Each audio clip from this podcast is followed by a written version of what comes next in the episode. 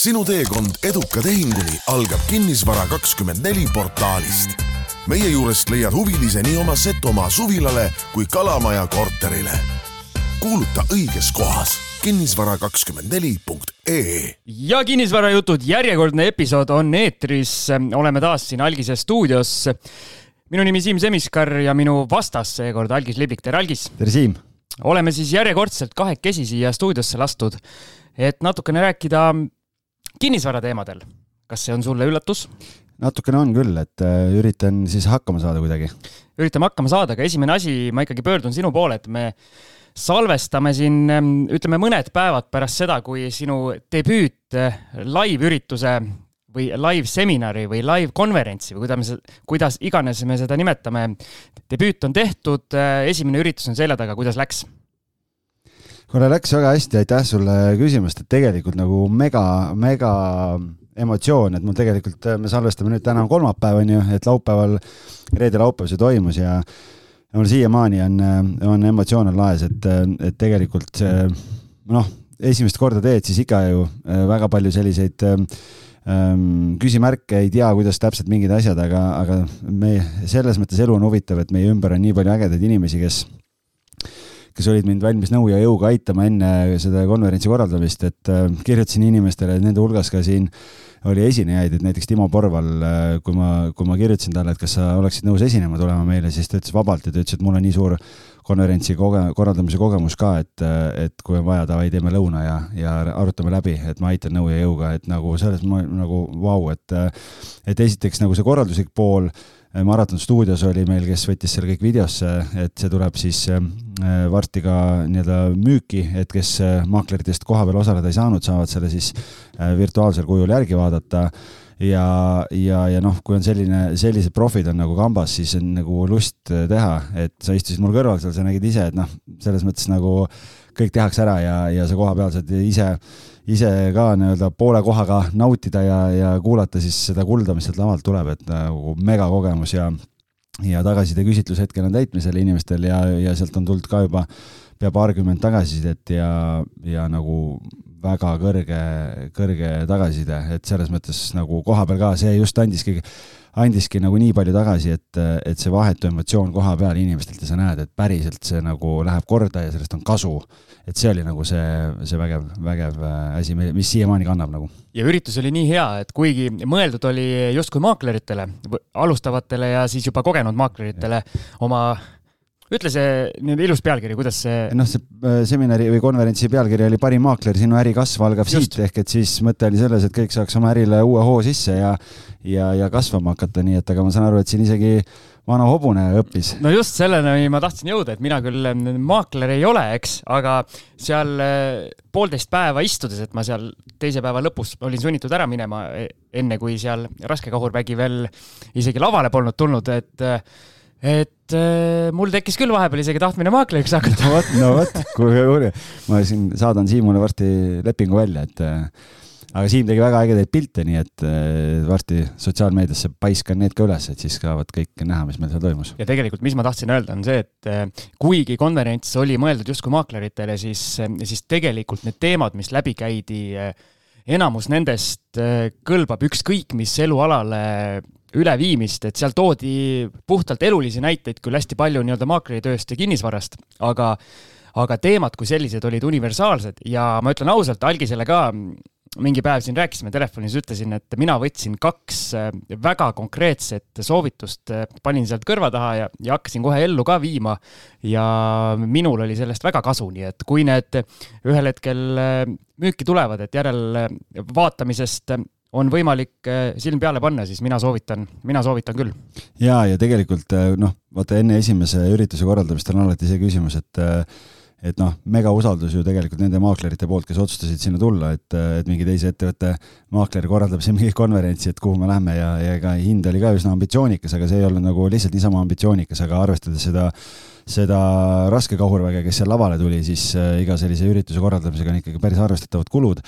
et, äh, et aga see andis selle kindluse, et, äh, et Vol kaks tuleb ka, nii et, et kaks tuhat kakskümmend neli korraldame, korraldame uuesti ja töö juba selle nimel käib, nii et, et siis stay tuned kui seekord läksid nii-öelda madalstardist minema, siis nüüd lähed lendstardist. ja, ja, ja kohe, et panen selle, selle hurraa pealt kohe edasi ja juba on teemad ja asjad on juba paigas ja isegi saladuskatte all võin öelda, et juba paari esinejaga on ka kokkulepped olemas, nii et et, et sellel aastal alustame selle müügiga varem lihtsalt, et inimesed saaksid aegsasti arvestada siis järgmise aasta plaanides. no ma ei tea, üks suurepärane paneelijuht pole küll veel meili saanud.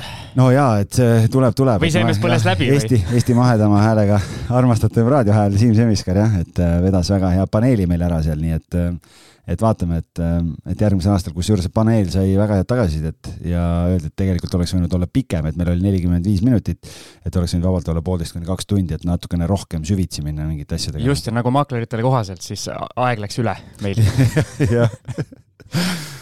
vot, aga sellega sinu konverentsi korraldamised ju ka nüüd sel suvel üldsegi ei piirdu, sest sa ju haarasid kohe siin härjal nii sarvist, et äh, tõmbasid endale mitu-mitu üritust kohe laua peale, mida korraldada. noh, tegelikult on see, et, et jaa, nüüd vahetult pärast seda, kui see saade eetrisse läheb äh, siin mai keskel, et, et kolmteist mai siis Airbnb seminar või selline üks päev kus räägime sellel teemal, kuna suvi on tulemas, siis see on nagu õige aeg veel viimast lihvi anda, et kõik, kes Airbnbis tegutsevad, Äh, saaksid äh, nii häid tulemusi kui võimalik. et noh, need jälle, kes nüüd kuulavad, siis äh, kes laivis mingil põhjusel ei, osaleda ei saanud või see info neist kuidagi mööda läks, siis, siis ühel hetkel on see jälle online'is on nagu saadaval ja saab, saab osta ja võib-olla enne suve veel kiired korrektuurid teha. aga, aga jaa, see mõte tekkis sellest, et mulle tegelikult kirjutatakse päris palju erinevate Airbnb teemaliste küsimustega ja, ja kunagi aastaid kolm tagasi sai sai paar webinari tehtud ja, ja lihtsalt ma näen, et need teemad on endiselt nagu aktuaalsed, et siis võtame lahti Airbnb, Airbnb-s erinevad teemad ja käime läbi nii algajatele kui edasijõudnutele, pluss erinevaid ägedaid host'e siis, kellega intervjuud. aga äh, suvel, seitseteist, kaheksateist juuni on tulemas Kinnisvarajutud live, kahepäevane üritus siis, mis on, noh, kuidas ma ütlen inspiratsiooni saanud investeerimisfestivalist eh, ehk selline kahepäevane üritus, aga selle erandiga siis, et ainult kinnisvara teemadel räägime ja ja selle, selle ürituse mm, piletimüük läheb nüüd lahti praegu siin sellel nädalal, aprilli keskpaigas oleme praegu. ehk et siis eh, seal, seal loodetavasti kohtume väga paljude meie kinnisvarajuttude kuulajatega, nii et, et, et väga äge oleks teid seal kohapeal näha. ja see on Tallinnas. ootan väga kannatamatult isegi seda. aga tänase saate otsustasime siis taas pühendada, ütleme nii, algajatele, vist pigem algajatele, ütleme nii, et vaatame, kuidas see jutt äh, nii-öelda kulgeb, aga nagu äh, meil varemgi kogemus on näidanud, siis nendest algajate saadetest tegelikult ka edasi jõudnud äh, saavad oma nopped ikkagi teha, et kunagi ei ole vale aeg asju üle korrata. ja, ja Siimult tuli see initsiatiiv sellise episoodi tegemiseks ja, ja kui ma need mõtted äh, Äh, nii-öelda läbi käisin, mis, äh, mis Siimul äh, olid, siis ma, tekib tunne, et ma saan aru, et sa tahad mulle järeleaitamistunde teha. okei okay., väga hea, aitäh sulle, et sa mu peale mõtled. et ma hea meelega äh, vaatame, kus, kuhu see saade meid välja viib, onju, et ma. sa hea meelega lihtsalt kuulad. jah, et ma siis teen märkmeid ja, ja üritan siis ka rakendada. ja, ja ütleme siis nii, et selline kogu pealkiri sellele episoodile täna on, et kuidas võtta ennast kokku ja teha see esimene samm. ja vaatame siis kõigepealt üldise sellise suhtumise poole pealt, et kuidas üldse investeerimisega alustada. või tähendab kõigepealt üldse, kuidas selle säästmise poolega alustada siis kuidas investeerimisega alustada ja siis lõpuks lähme siis konkreetselt ka kinnisvara juurde, et käime need sammud läbi ja võib-olla keegi saab väikest inspiratsiooni ja kuulake kindlasti saade lõpuni. meil on saate lõpus ka üks väga huvitav üleskutse. ehk siis äh, ütleme nii, et tasub lõpuni kuulata. ja, et me praegu siin saladuse loori rohkem ei kergita, aga ütleme nii, et, et äh, aktiivsetel pealehakkajatel inimestel avaneb väga unikaalne võimalus meiega koos või meie abil midagi teha? meie saates, meil on need kuulsad lõpuküsimused, kaks tükki ja põhimõtteliselt eh, nii eh, saate jooksul külalistega kui, kui seal lõpus väga tihti korrutatakse just seda, et kui oluline on ikkagi teha see esimene samm, hakata asjadega pihta ja siis vaadata, kuidas edasi läheb, et, et Algis, kuidas sinul selle pihta hakkamisega on, ükskõik mis valdkonnas siis? ärme praegu kinnisvara puuduta. tead, selles mõttes, et kui ma mõtlen nagu mingite töiste tegemiste või selliste ettevõtlusasjadega, noh, nagu sa näed ise, et siin äh, tulistan äh, mitmel rindel, et selles osas mul nagu ei ole väga selle, ma olen sihuke, ma olen ise aru saanud, et ma olen selline visionäär või selline ideede generaator ja mul selle koha pealt on nagu hästi. mis puudutab äh, nii-öelda säästmist, investeerimist ja seda poolt, siis selles ma olen, vabandust, noh, ikkagi nii kehva, kui, kui veel olla saab, et ma ei ole, ma olen üliemotsionaalne inimene ja mul ei ole, mul ei ole seda finantskirjaoskust nagu väga tugevat kunagi olnud ja, ja see on nagu üks suurimaid struggle eid, mis mul tegelikult terve elu on olnud, sellepärast ma ütlesingi, et Siim tegi mulle järeleaitamistunni siin. et, et, et mul on, ma olen nagu selline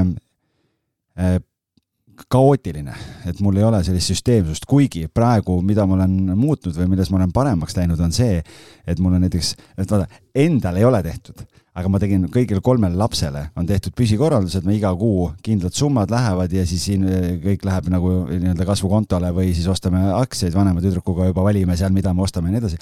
et selle koha pealt on nagu süsteem on paigas ja kõik toimib. aga kuidagi nagu e-, e-, endale mõtled, et ah, nagu küll panen oled, küll panen.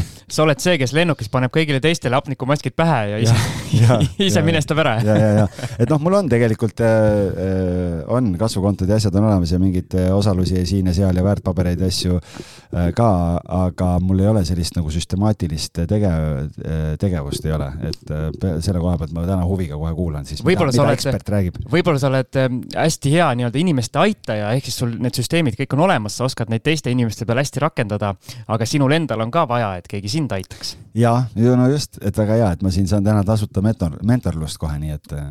just ja võtame siis sellise asja, et äh, esiteks mul see idee tuli äh, ühte USA podcast'i kuulates, seda kuulsat Bigger Pocketsit, kus isegi mitmes osas on läbi käinud selline võrdlus, et oletame, on nüüd meie saate kuulajate hulgas selline inimene, kes on väga huvitatud investeerimisest, konkreetselt näiteks kinnisvarasse investeerimisest. aga tema on sellises olukorras, kus ta võib-olla ei ole üldse üldse rahaasjadega nii-öelda veel tegelenud, tal ei ole rahaasjad kursis või tähendab, korras ei ole, ta ei ole kursis asjadega. põhimõtteliselt äh, seal nii-öelda nullastmel, ütleme siis nii. aga tema suur soov on äh, jõuda oma esimese üürikorterini näiteks, nii. ja kui sa nüüd niimoodi mõtled, sa oled nullis ehk siis alguses, täiesti, täiesti alguses. sul ei ole mitte midagi, sul ei ole säästmisharjumust, sul ei ole investeeringuid, sul ei ole põhimõtteliselt eh, sisuliselt mingeid teadmisi ja sa mõtled selle lõpu peale, et mul on nüüd üürikorter, siis see tundub täiesti hoomamatu idee, on ju? ja see on nagu no mitte nullist sajani isegi, vaid nullist tuhandeni. just. ja sellisel juhul tekibki see hirm, et aga ma ju ei tea, kuidas ma sinna jõuan. see on täiesti loomulik. ja see on selles mõttes täiesti loomulik, sellepärast et äh, et äh, see on natukene sama, sarnane olukord, kui ma ei mäleta, see oli siin, noh, eelmine nädal oli hästi kiire selle konverentsi korraldamisega, siis mul oli ka mingi hetk näed, et emailid kuhjuvad, mingid asjad on ju, siis on vaja teha ja siis saad aru, et, et kui sul tekib nagu hästi palju asju korraga lauale, siis sa ei, ei suuda otsustada, kust kohast alustada või kuidagi, et nagu kui see bufee on nii lai, et siis tahaks kõiki asju korraga süüa, aga tegelikult nagu kuskilt võtta esimene amps on ju, ja samamoodi on tegelikult selle alustamisega, et et kui, kui siiamaani seda harjumust või oskust ei ole, siis selleks, et, et korrastada need asjad ära või, või võtta see otsus, et iga kuu mingi X eurot äh, kuskile paigutada, see nõuab seda selgust või seda otsust, tegelikult on otsuse taga, on see asi ju. vot, ja see, sellise asjaga toodi siis võrdlus, et sel, et sellega on nagu udus sõitmisega. oletame, et sa hakkad äh, autoga töölt koju minema ja õues on kõva udu. nii, sa ju ei tea, mis äh, nii-öelda ette sa ei tea, mitu parempööret, mitu vasakpööret äh, sa pead oma teekonnal tegema. sa hakkad lihtsalt minema, võtad äh, seda teekonda kurvi kaupa ja sõidad täpselt nii kiiresti, kui see udu lubab, nii palju kui nähtavust on. ja selliselt sa lõpuks jõuad kohale. ja investeerimise või ükskõik mis muu asjaga on samamoodi, et kui sul on teekaart olemas, sa hakkadki sammhaaval minema, sa ei pea mõtlema sammule number kümme, kui sul on isegi teine ja kolmas samm veel tegemata. ehk siis meie mõte ongi praegu siin natukene seda teekaarti aidata teil joonistada, et kuidas see udus sõitmine käib, et me paneme auto käima kõigepealt, see on esimene samm, hakkame kuskile suunas minema, loodetavasti kodusuunas, eks. ehk siis, kui teekaart on õige, siis sa lõpuks jõuad kohale, kuigi sa ette ei tea kõiki neid pöördeid, mis sa pead tegema. ja tegelikult see on hea, hea näide, sellepärast et tavaliselt, kui ma äh, maakleritele seda väljaõpet teen alguses, kui nad tulevad ja räägime ka eesmärkidest ja kõigest sellest, siis ma ütlen samamoodi, et sul sul peab olema teada see punkt B, kuhu sa tahad kohale jõuda, et kui sul seda punkti B-d ei ole, noh, ma olen toonud sellise näite, et noh, et kui sa hakkad täna Eestist äh, Itaaliasse sõitma autoga ilma kaardi ja, ja kepsuta, on ju, noh, siis äh, kui oleks, navi töötab kogu aeg, siis jõuad suhteliselt turvaliselt ja tõenäoliselt ilma suurte viperusteta kohale. aga kui seda ei ole, siis võid päris korraliku ringi kuskilt sisse teha ja, ja võib-olla ei jõuagi kohale, et paned kuskil vale koha pealt minema ja ja, ja et see on tegelikult samamoodi, et, et sa pead inglise keeles on selline ütlus, et, et uh, if you don't know where you are going, any road is okay. jah. ehk et Siim sulle tõlkeks siis, et kui sa ei tea, kuhu sa minemas oled. kuule, inglise keelt ei pea tõlkima. iga tee on oluline, no ma ei tea, sul vene keelega on siin, ma igaks juhuks mõtlesin. Vene keel on väga harrassoo. et noh, bigger pockets'ist sa saad aru, et järelikult võib-olla ei ole, aga, aga võib-olla mõni kuulaja, kui ei saanud aru, et siis. Bigger pockets on inglise keeles. jah, ma tean jah okei okay,, aga enne kui me seda teekaarti hakkame konkreetselt kinnisvara juures eh, nii-öelda kokku panema, siis äh, nagu Algis ütles, mul on plaan tegelikult äh, käia siis kogu protsess läbi ja, ja panna see teekaart alates sellest säästmisharjumusest, sest mina olen väga hea näide sellest, kuidas minu elu, ütleme, esimesed kolmkümmend pluss aastat, ma isegi ei tea, mitu aastat sinna peale äh,, läks niimoodi, et mul oli, ütleme, rahaasjadest oli üsna suva selles mõttes, et äh, ma ei teadnud investeerimisest midagi. ma ei usu sind. ma ei teadnud äh, sellest nii-öelda rahavaldkonnast absoluutselt mitte midagi. mind väga ei huvitanud ka. ja üks asi, mis mul oli, äh, minu nii-öelda pluss oli see, et ma olen üsna ütleme siis väikeste nõudmistega eluaeg olnud, et mul nagu raha kippus üle jääma. nagu pigem kippus üle jääma kui puudu jääma, ütleme niiviisi. see on väga hea ju jah, et mul nagu säästmise kui sellisega ei ole nagu probleeme olnud, isegi siis, kui ma teadlikult ei säästnud. ma lihtsalt nii-öelda elasin alla oma võimete või kui me nii saame öelda. aga mina ütlen selle peale, et igal inimesel on äh, endal mingid, mingid plussid, mida sellel teekonnal ära kasutada, et need on erinevad, võivad olla. algisel on näiteks see, et ta on äh, lihtsalt sissetulekud on nii massiivsed, et sealt on hea alustada. ma olen äh, selles mõttes jah, et kui oled kehva säästja, siis tuleb lihtsalt roppu tööd teha, et raha oleks nii palju, nii palju. aga ma ütlen, igaühel on mingid, mingid plussid, mida ära kasutada, need tuleb nii-öelda üles leida ja teiste asjadega tuleb siis tegeleda. aga ühesõnaga, kogu see nii-öelda teema, mis ma siia kirja olen pannud, on minu enda kogemuse järgi ja uskuge mind, minu peal töötas, on väga paljude inimeste peal töötanud, sest kõik eh, meie need finants, eh, ütleme siis finantskurud ja need, kes koolitavad ja need, kes räägivad, eh, on seda juttu rääkinud, aga see tuleb kogu aeg üle korrata. Ja noh, see selles mõttes, et ja tegelikult on ka üleskutse siin, et kui see saade meil läheb eetrisse ja, ja Siim paiskab selle Facebooki gruppi meile, et kui kellelgi on väga häid äh, nõuandeid või midagi veel juurde lisada sellele, mis siin täna jutuks tuleb, siis äh, mõelge kaasa, arutage, et, et kes, kes äh, tahavad innustust, inspiratsiooni saada, et kui nad tulevad sinna kommentaariumisse lugema, et nad leiavad sealt veel väärt materjali.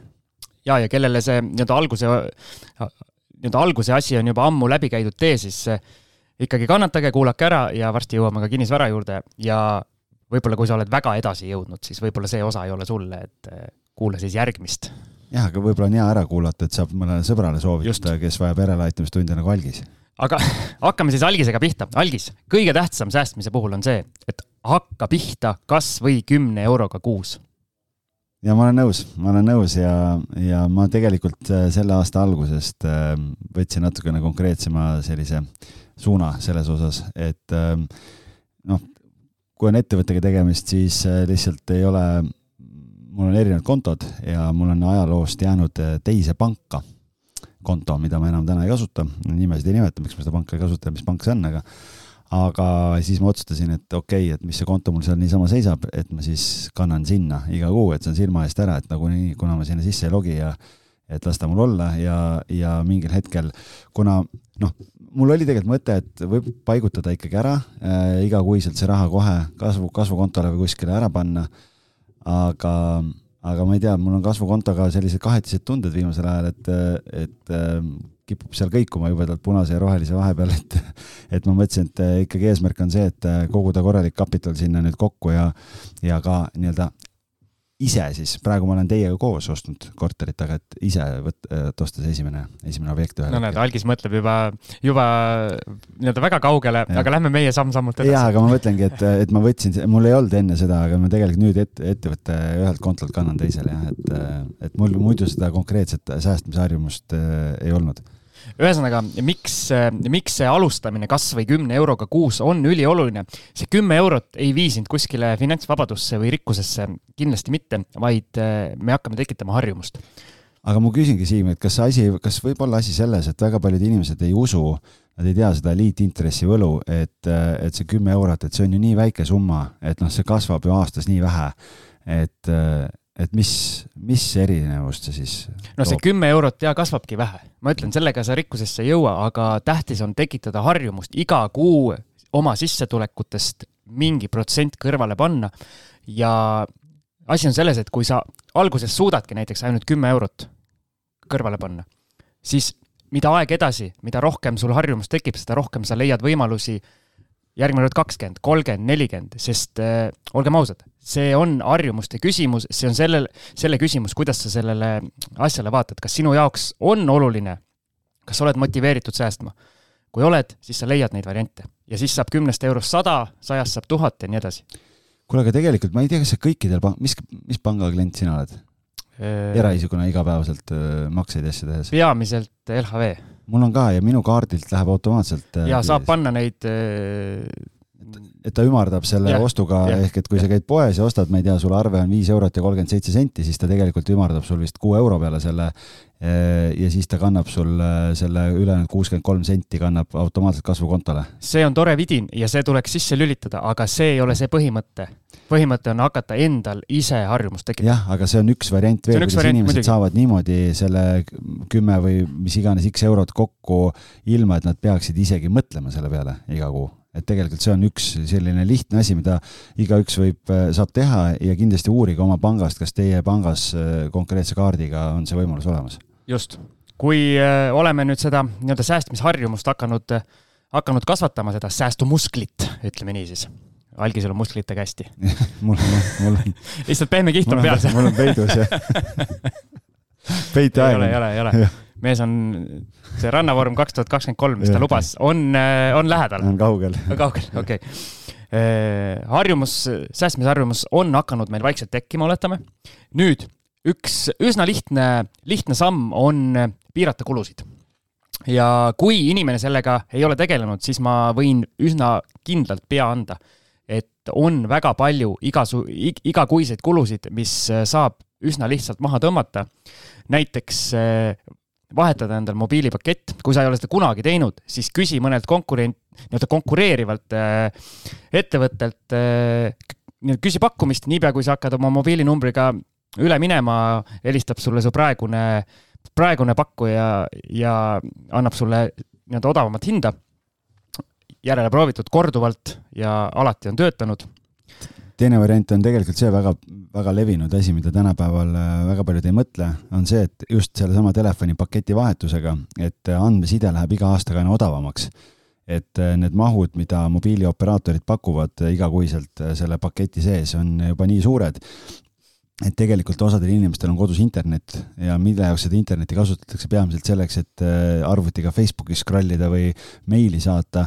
tegelikult sul ei ole selle jaoks eraldi internetipaketti koju vaja, vaid sa saad arvuti ära ühendada oma telefoni ja selle ähm, telefoniühendusega ja tegelikult sealt tuleb juba mingi kümme-viisteist eurot võitu iga kuu. just, ja samamoodi see nii-öelda televiisori pakkujad või mismoodi me ja telekommunikatsioonipakkujad, et eh, kindlasti saab optimeerida oma seda telekanalite valikut, kui sa ei ole mingeid kanaleid eh, vaadanud juba pool aastat eh, ja mis on sul nii-öelda tasulised juurde tellitud kanalid, siis väga lihtne on need ära lõpetada. sadat kanalit ei ole vaja, et, tegelikult sulle piisab tõesti, ma ei tea, paarikümnest ja, ja, ja võib-olla ongi sul mingi kõige väiksem pakett ja sa saad sinna mingid lisakanalid, vähemalt Telias on võimalus kanali kaupa maksad mingi viiskümmend senti või midagi, et valid need kanalid, mida sul vaja on aga sa ei pea seda suuremat paketti maksma, vaid saad võtta selle väiksema. just, ja ma usun, et äh, ja, ja siis on igasugu need äh, nii-öelda subscription'id või kuidas me neid eesti keeles nimetame, tellimused siis, veebitellimused jah, sealt ka, ma ei tea, viis, kümme, viisteist eurot kokku hoida ja lõpuks on niimoodi, sa saad, äh, ma usun, igaüks meist suudaks niimoodi kuus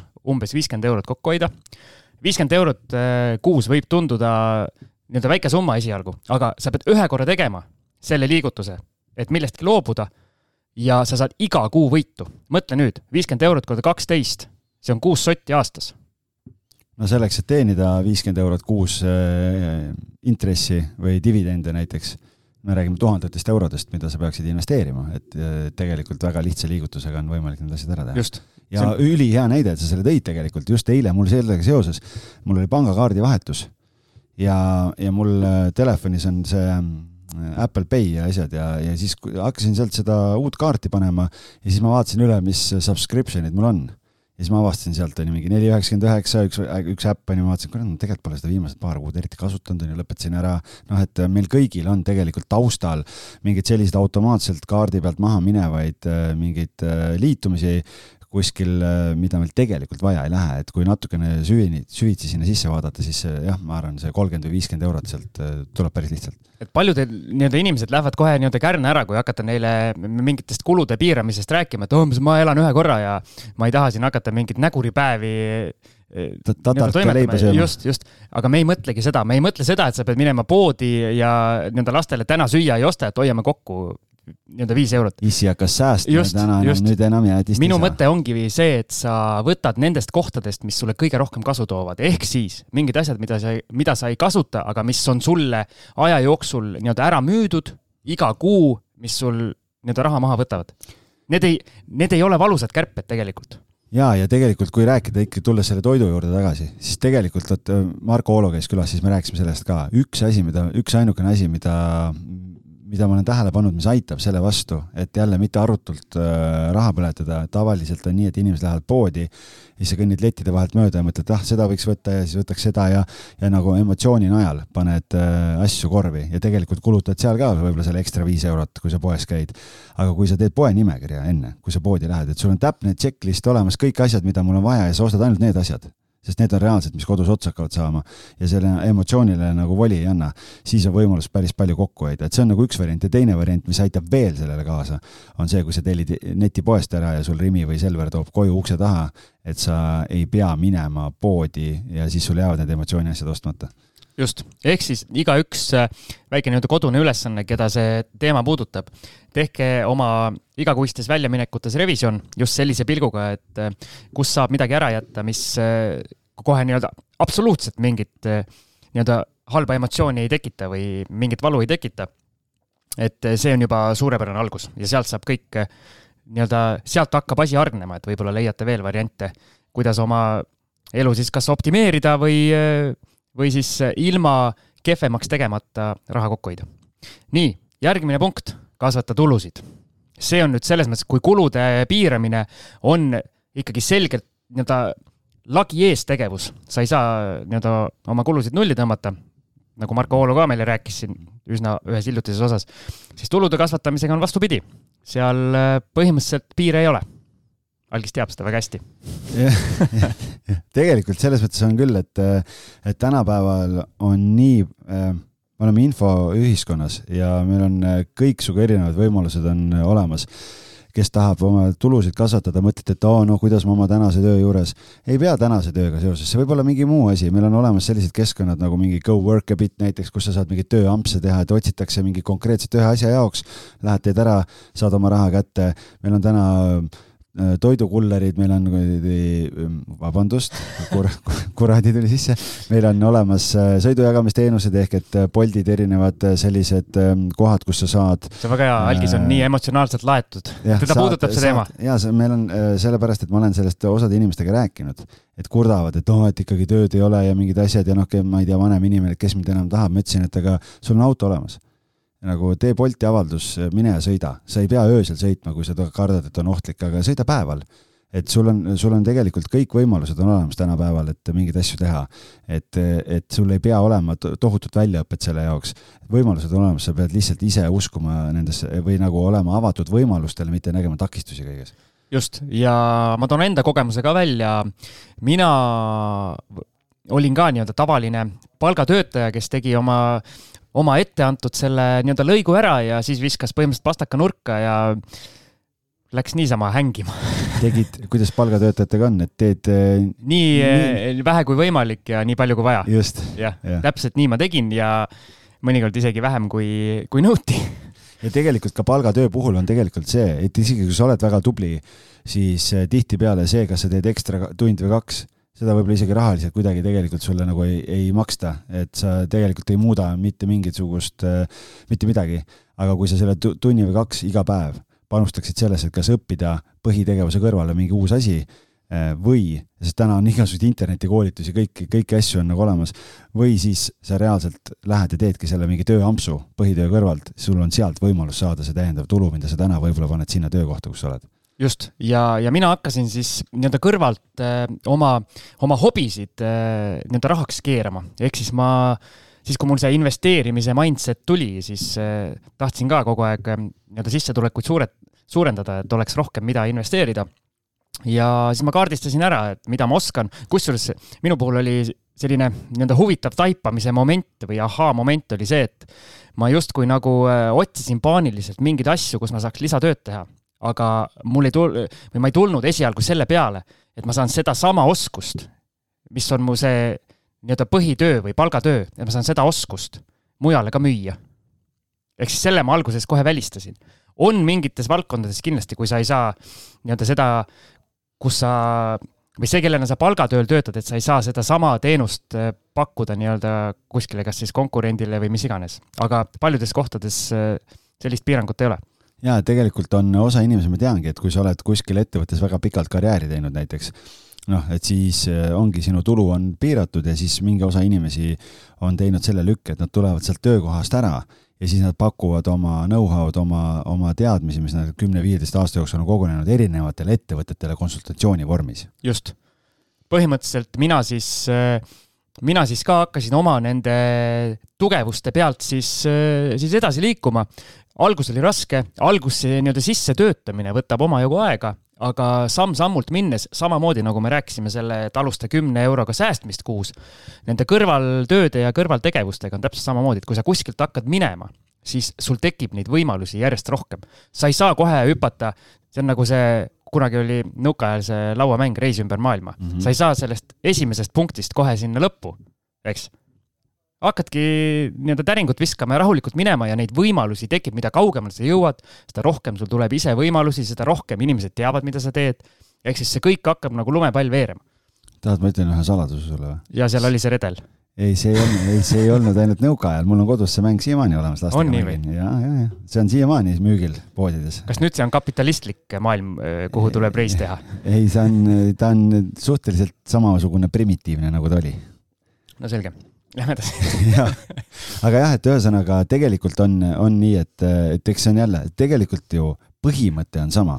säästmisel ja tulude kasvatamisel on see, et on vaja see, seda julgust, et teha see esimene otsus ära, et ma nüüd võtan kätte ja teen. no minu meelest suurim, suurim piirang, mis inimesed endale seavad, ongi see, see mõte, et nad peavad kohe selle ühe sammuga jõudma sinna eesmärgini, mis neil nii-öelda peas on.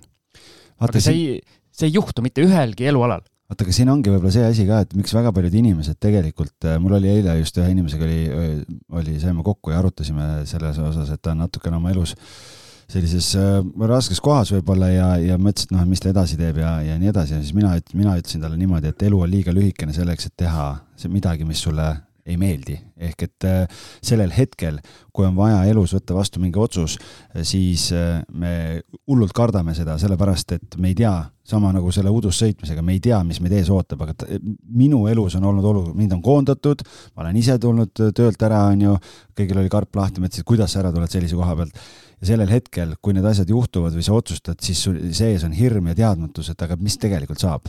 ja samamoodi ma arvan, väga paljudel inimestel takistab äh, teha elus neid muudatusi, et püüelda, püüelda suurema sissetuleku poole, hirm sellepärast, et nad ei tea, et kuskil mujal võib olla parem kui see, kus nad on viimased viis, kümme, viisteist aastat töötanud. ja sellepärast tegelikult nagu üliäge, Siim, et sa üldse selle teema tänasesse saatesse lauale tõid, et kogu see säästmine ja see kulude, kulude ülevaatamine ja see, see täiendava tulu teenimine, ehk et äh, kui mõelda selle peale, et sa kõigepealt hakkad säästma, siin ma ei tea, kümme eurot kuus, siis sa võib-olla vaatad oma kulud üle, sul jääb sealt kolmkümmend, viiskümmend eurot üle, on ju, see on kuuskümmend eurot kuus. kui sa teed mõned tööampsud, äh, nädalas, on ju, teenid sealt võib-olla viiskümmend, sada eurot, on ju, see kõik kokku on võib-olla kakssada, kakssada viiskümmend eurot või, noh, mingid sajad eurod kuus ja nüüd, kui sa hakkad mõtlema niipidi, et kui, kui täna keegi kuulab seda saadet, kes ei ole rahul selle töökoha peal, kus sa oled, siis mõtle selle peale, et kui palju on sinu igakuine sissetulek, ma ei tea, on see kaheksasada eurot, tuhat eurot, tuhat viissada eurot, nii. selleks, et sa saaksid muuta midagi oma elus, sul peab olema puhver kas kolm kuud või kuus kuud, sõltuvalt sellest, kui nii-öelda äh, suurt nii-öelda seda turvavõrku keegi tahab. esimene eesmärk vabalt ei pea olema investeerimisega seotud, vaid see võib olla ka seotud sellega, et ma kogun nii palju raha, et ma saan võtta vastu selle otsuse, et ma tulen ära ja mul on see puhver olemas, et ma saan vaadata, mida ma teen edasi. seda ma nimetatakse ülemuse pekki saatmise ja, fondiks. jah, et see on just, et saadad ülemuse, vallandad ülemuse, on ju, ja, ja et sul on aega äh, mõelda korraks, võtad korraks aja maha, mõtled läbi, mida ma tahan teha ja annad elule võimaluse, et, et vaadata, kuhu ja mis suunas ma liigun, aga sul peab olema selle jaoks see puhver olemas, et see võib vabalt olla esimene eesmärk, mille poole püüelda kõik see jutt võib, eh, võib tunduda nagu selline mambo-jambo nagu inimestele, kes mm. ongi täpselt selle, nii-öelda selles kohas, et tahaks midagi teha, aga nagu mõtlevad, et, et see ei ole ju võimalik, see ei ole võimalik, et mina ei saa ju hakata kunagi investeerima kinnisvarasse, mul ei ole raha, mul on nii-öelda palgapäevast palgapäevani, vaevalt elan ära. aga ma ütlen teile seda, eh, aasta oli kaks tuhat kuusteist, kui, kui mina koos abikaasaga alustasime nii-öelda teadlikult investeerimisega. mul on esimesel jaanuaril sai tehtud ettevõte ja enne siis, ütleme kaks tuhat viisteist lõpus hakkas see asi hästi kiirelt nii-öelda lahti rulluma ja tol hetkel äh, olin ma tavaline palgatöötaja, kelle kuupalk oli kolmekohaline. ehk siis äh,, ehk siis kuskil üheksasada eurot ma sain kätte ja, ja sellega minu sissetulekud piirdusid põhimõtteliselt. ja sul jäi üle? Äh, jah, siis jäi natuke üle, jah ja no vot, et selles mõttes nagu on võimalik. on võimalik jah, ja nüüd, äh, nüüd ma olen hoopis teises kohas. tänu algisele ka natukene noh, see on ikkagi nii-öelda vastastikune, onju, aga tead enne veel, kui äh, sealt ma korra veel samm tagasi tulles, tegelikult äh, on Kristi Saare hästi palju viimase, ma ei tea, poole aasta jooksul kuskil on, on seda rõhutanud ja tema story dest on läbi käinud see, et, et tema on teinud ka inimestele üleskutse et äh, küsige palka juurde.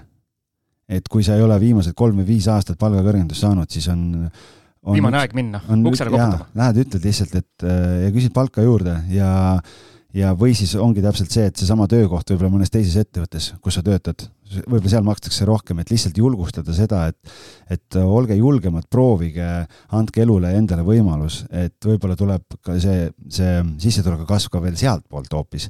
ja, ja tegelikult, kui kõik, kui mõelda selle peale, kui palju neid muutujaid siin võrrandis praegu on, mida sa saad muuta selleks, et oma elu parandada, siis tegelikult see on nagu päris hirmuäratav. just, ja kõik algab esimesest sammust.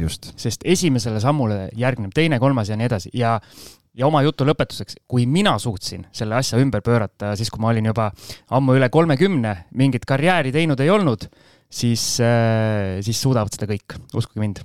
jah, ja selle kohta kaks, kaks sellist asja, mis on, et üks küsimus, mis mul meenub inglise keeles on nüüd jälle, aga ma panen eesti keelde, on see, et äh, kui mitte nüüd, siis millal veel? ja kui mitte sina, siis kes veel? On üks asi ja teine asi on see, et, et millal on see hetk käes, kus sa ütled, et, et küllalt on küllalt. Et aitab küll nagu. jah, aga põhiline ongi see, et enda, enda eest siis tuleb ise vastutust võtta, et et lapsevanemad nõuavad oma lastelt kogu aeg vastutamist ja oma peaga mõtlemist nii-öelda heas mõttes aga tihti me nii-öelda täiskasvanutena ise unustame selle ära, et me peame iseenda eest vastutama. ei vastuta riik meie eest, ei vastuta sõbrad meie eest, ei vastuta mitte keegi teine meie eest kui meie ise kuule, teiste inimeste rahakotis ei ole ilus sorida, aga vaata selles mõttes, et äkki see annab kellelegi indu juurde. sa ei pea täpsetest numbritest rääkima, aga sa ütlesid, sa kaks tuhat kuusteist alustasid et võib-olla sa teed väikese recap'i lihtsalt või sellise kokkuvõtte, et mis see seitse aastat on muutnud, et äh, mis seis on täna? no nüüd ma olen nii-öelda ettevõtja, kelle sissetulekud kõiguvad kuust kuusse üsna massiivselt, äh, aga, aga. julgustav no selles mõttes, arvestades, et need levelid on oluliselt kõrgemalt, siis mitte kolmekohalised. mitte kolmekohalised enam jah, et siis, siis ei pane isegi nii-öelda seda tähele, et ma võin, ma võin, no ma ei taha päris numbritest rääkida, vaata, kes ja, me nii-öelda palgast ikka väga tahame rääkida. noh, ettevõtjaid, ettevõtjaid ju pank, nii-öelda pangad kotivad ka, et. keda meid... ei ole, kes ei ole võib-olla kuulanud meie saateid enne lihtsalt, et mitu korterit sul praegu on, noh, sul on olemas ju aktsiaportfellid, kõik asjad, et. Ja et põhimõtteliselt meie nii-öelda abikaasaga nii-öelda investeerimisportfell läheneb pooleli miljonile, et äh, oleme jõudnud seitsme aastaga. kuulsite jah, seitsme aastaga peaaegu pool miljonit. ja kõik algas millest? esimesest sammust, vot, ja aga üks asi nüüd, äh, kui me rääkisime nii-öelda tulude kasvatamisest, siis äh, põhipoint minu meelest, millega inimesed alt lähevad, et kui nad sinnamaani isegi jõuavad, et kui sa nüüd kasvatad tulusid, vähendad kulusid, siis ära lase elustandardil tuludele järele tõusta. selle nii-öelda võtsin ma ka ühest, ilmselt äkki oli seesama Bigger Pockets, et elustandard on nagu selline nii-öelda kuju muutev anum. ehk siis, kui sul tulud tõusevad, siis tavaliselt elustandard muudab täpselt samasuguseks selle nii-öelda kuju, ehk siis kõik, mis tuleb, kõik ilusti laotub sinna ära ka, et äh, see on nüüd see samm. kui sa tahad säästma hakata, siis äh, elustandard tuleb hoida samal tasemel, kui tulud tõusevad. Sellega on natukene see, et ma olen seda ka arutanud ja mul onu elab Ameerikas üheksakümne esimesest aastast alates juba ja ma kunagi keskajal käisin külas, tal kaks suve käisin seal tööd tegemas, siis äh, olin äh, ehitustöödel abimees, et tegelikult ma olen rohkem äh,, ikka suurema ehituskarjääriga kui see üks kuu, mis ma siin mingis saates rääkisin. Ja siis onuga läksime toidupoodi ja siis onu ütleb, et kuule, näed, näed seda meest seal, jah. Mingi vana sihuke Volkswagen põrnikaga, ma ei tea, mingi kaheksakümnendatest sõitis toidupoodi umbes ja küsis, et mis sa arvad, kes see, kes see mees on, onju. Ütlesin, ma ei tea, mul pole õrna aimu ka. Ja siis ta ütleb, et see on vist, võin eksida praegu, aga mingi ala, Alaska Airlinesi omanik või midagi, et tal on kodus eralennukid ja asjad ja värgid, aga noh, et, et noh, et see ongi see vahe, et ta ütles, et noh, et kui ta ka käib Eestis siis ta näeb nagu seda, et äh, me oleme siit sealt Nõukogude ikkest tulnud, kunagi midagi ei ole olnud. Ja nüüd on see, et ikka auto peab olema uhkem kui naabril ja, ja noh, kõik asjad on ju, et kogu aeg on selline väline, see väline on hästi oluline ja selles mõttes see ongi libe tee ja me oleme emotsionaalsed olevused, mitte ratsionaalsed olevused ja see on hästi-hästi ohtlik tegelikult, väga kerge on sinna minna, küsi Siim, kust ma seda tean. kust sa seda tead? Been there, done that et, et see tegelikult sissetulekute kasvades, muidugi, eks me kõik tahame paremat elustandardit, aga küsimus on selles, et kas need on nii-öelda ratsionaalsed ja põhjendatud äh, nii-öelda asjad, noh, ma ei tea, oled elanud äh, viimased kakskümmend aastat samas kodus, on ju, ja tunned, et tahaks suuremat või uuemat, on ju, noh, et see on võib-olla nagu põhjendatud, eriti kui on, ma ei tea, pere on selline elanud, et ma ei tea, kolmekesi elad ühes toas umbes, on ju. et, et need on nagu sellised põhjendatud asjad, aga see, et, et käia ja la, laristada vasakule-paremale lihtsalt äh, tuimalt, et see on nagu võib-olla jah, selline ohtlik koht, kuhu, kuhu peaks nagu vaatama, et ei satu. sest äh, nii-öelda palgapäevast palgapäevani elajaid on nii miinimumpalga teenijate juures kui kahjuks ka ikkagi väga kõrgepalgaliste juures, ehk siis ongi täpselt see, et kui kui elustandard järele tuleb sellele palgale, siis äh, seda säästmist ei olegi, et äh, üks asi, mis me veel oleme koos, äh, koos abikaasaga teinud alates kahe tuhande kuueteistkümnenda aasta algusest, meil on üks suur Excel, kus me arvutame kogu pere sissetulekut, kogu pere väljaminekud ja, ja selle säästumäära ehk siis see on üks oluline number minu meelest, mida jälgida. et siin on räägitud, et alusta, või tähendab, et iga inimene, inimene peaks suutma vähemalt kümme protsenti, eks, alguses kõrvale panna, aga siin on ju olnud juttu sellest kuulsast Jaak Roosaare ma, ma, ma ei tea, kas loodud või propageeritud siis viiekümne protsendi klubist ja kõigest sellest, et see on, see säästumäär on huvitav number, mida jälgida ja mille, mille kasvamist ajas jälgida on, ütleme siis, väga motiveeriv. Ma küsin, väga paljudel kuulajatel kindlasti tekib küsimus, aga mul ei ole seda Excelit, Siim, kust ma selle Exceli saan? sa ise teed selle aga kui inimesel puudub siiamaani kogemus ja oskus, mul on tegelikult vastus olemas sellele. kas puudub nagu Exceliga kogemus või? noh, ei, et noh, neil ei ole seda Excelit ja nad ei oska seda kokku panna ise, siis mul tegelikult äh, on äh, lahendus olemas. Äh, saada sada kakskümmend seitse, Marko Oolo käis meil külas ja Marko Oolo, tema kodulehekülg on oolomarko.ee. temal on olemas tööriistad, selline alajaotus on koduleheküljel olemas ja seal on kolm erinevat tööriista, seal on finantseesmärgi tabel seal on eelarvestamise tabel ja seal on portfellihaldur olemas, et sõltuvalt sellest, millisel tasemel sa hetkel oled, sul on võimalus võtta ja tegelikult see, see eelarvestamise tabel ongi täpselt seesama asi, millest Siim räägib, et sul on äh, sa saad sinna kirja panna oma igakuised sissetulekud, sa saad sinna kirja panna oma igakuised väljaminekud ja kogu aeg jälgida seda ja kui sa seda kogu aeg täidad, siis sa näed, kui palju sul raha üle jääb ja, ja kõik see pool, et tekib sealt see, et ei ole lihtsalt kuskil kuklas sul see asi, vaid sul on kirja pandud ka need asjad. ja, ja kellel on Exceli vastu mingi määramatu allergia, siis on igasugu äppe ka, kus saab oma nii-öelda finantskäitumist ja seda eelarvet hakata tegema. ja meil on tegelikult MyFinantseer on üks, kes ja. meil Kadri Mäsak käis Just. meil, käis meil külas äh, ja, ja tegelikult on jah, see myf.ee e on see tema, see kodulehekülje aadress.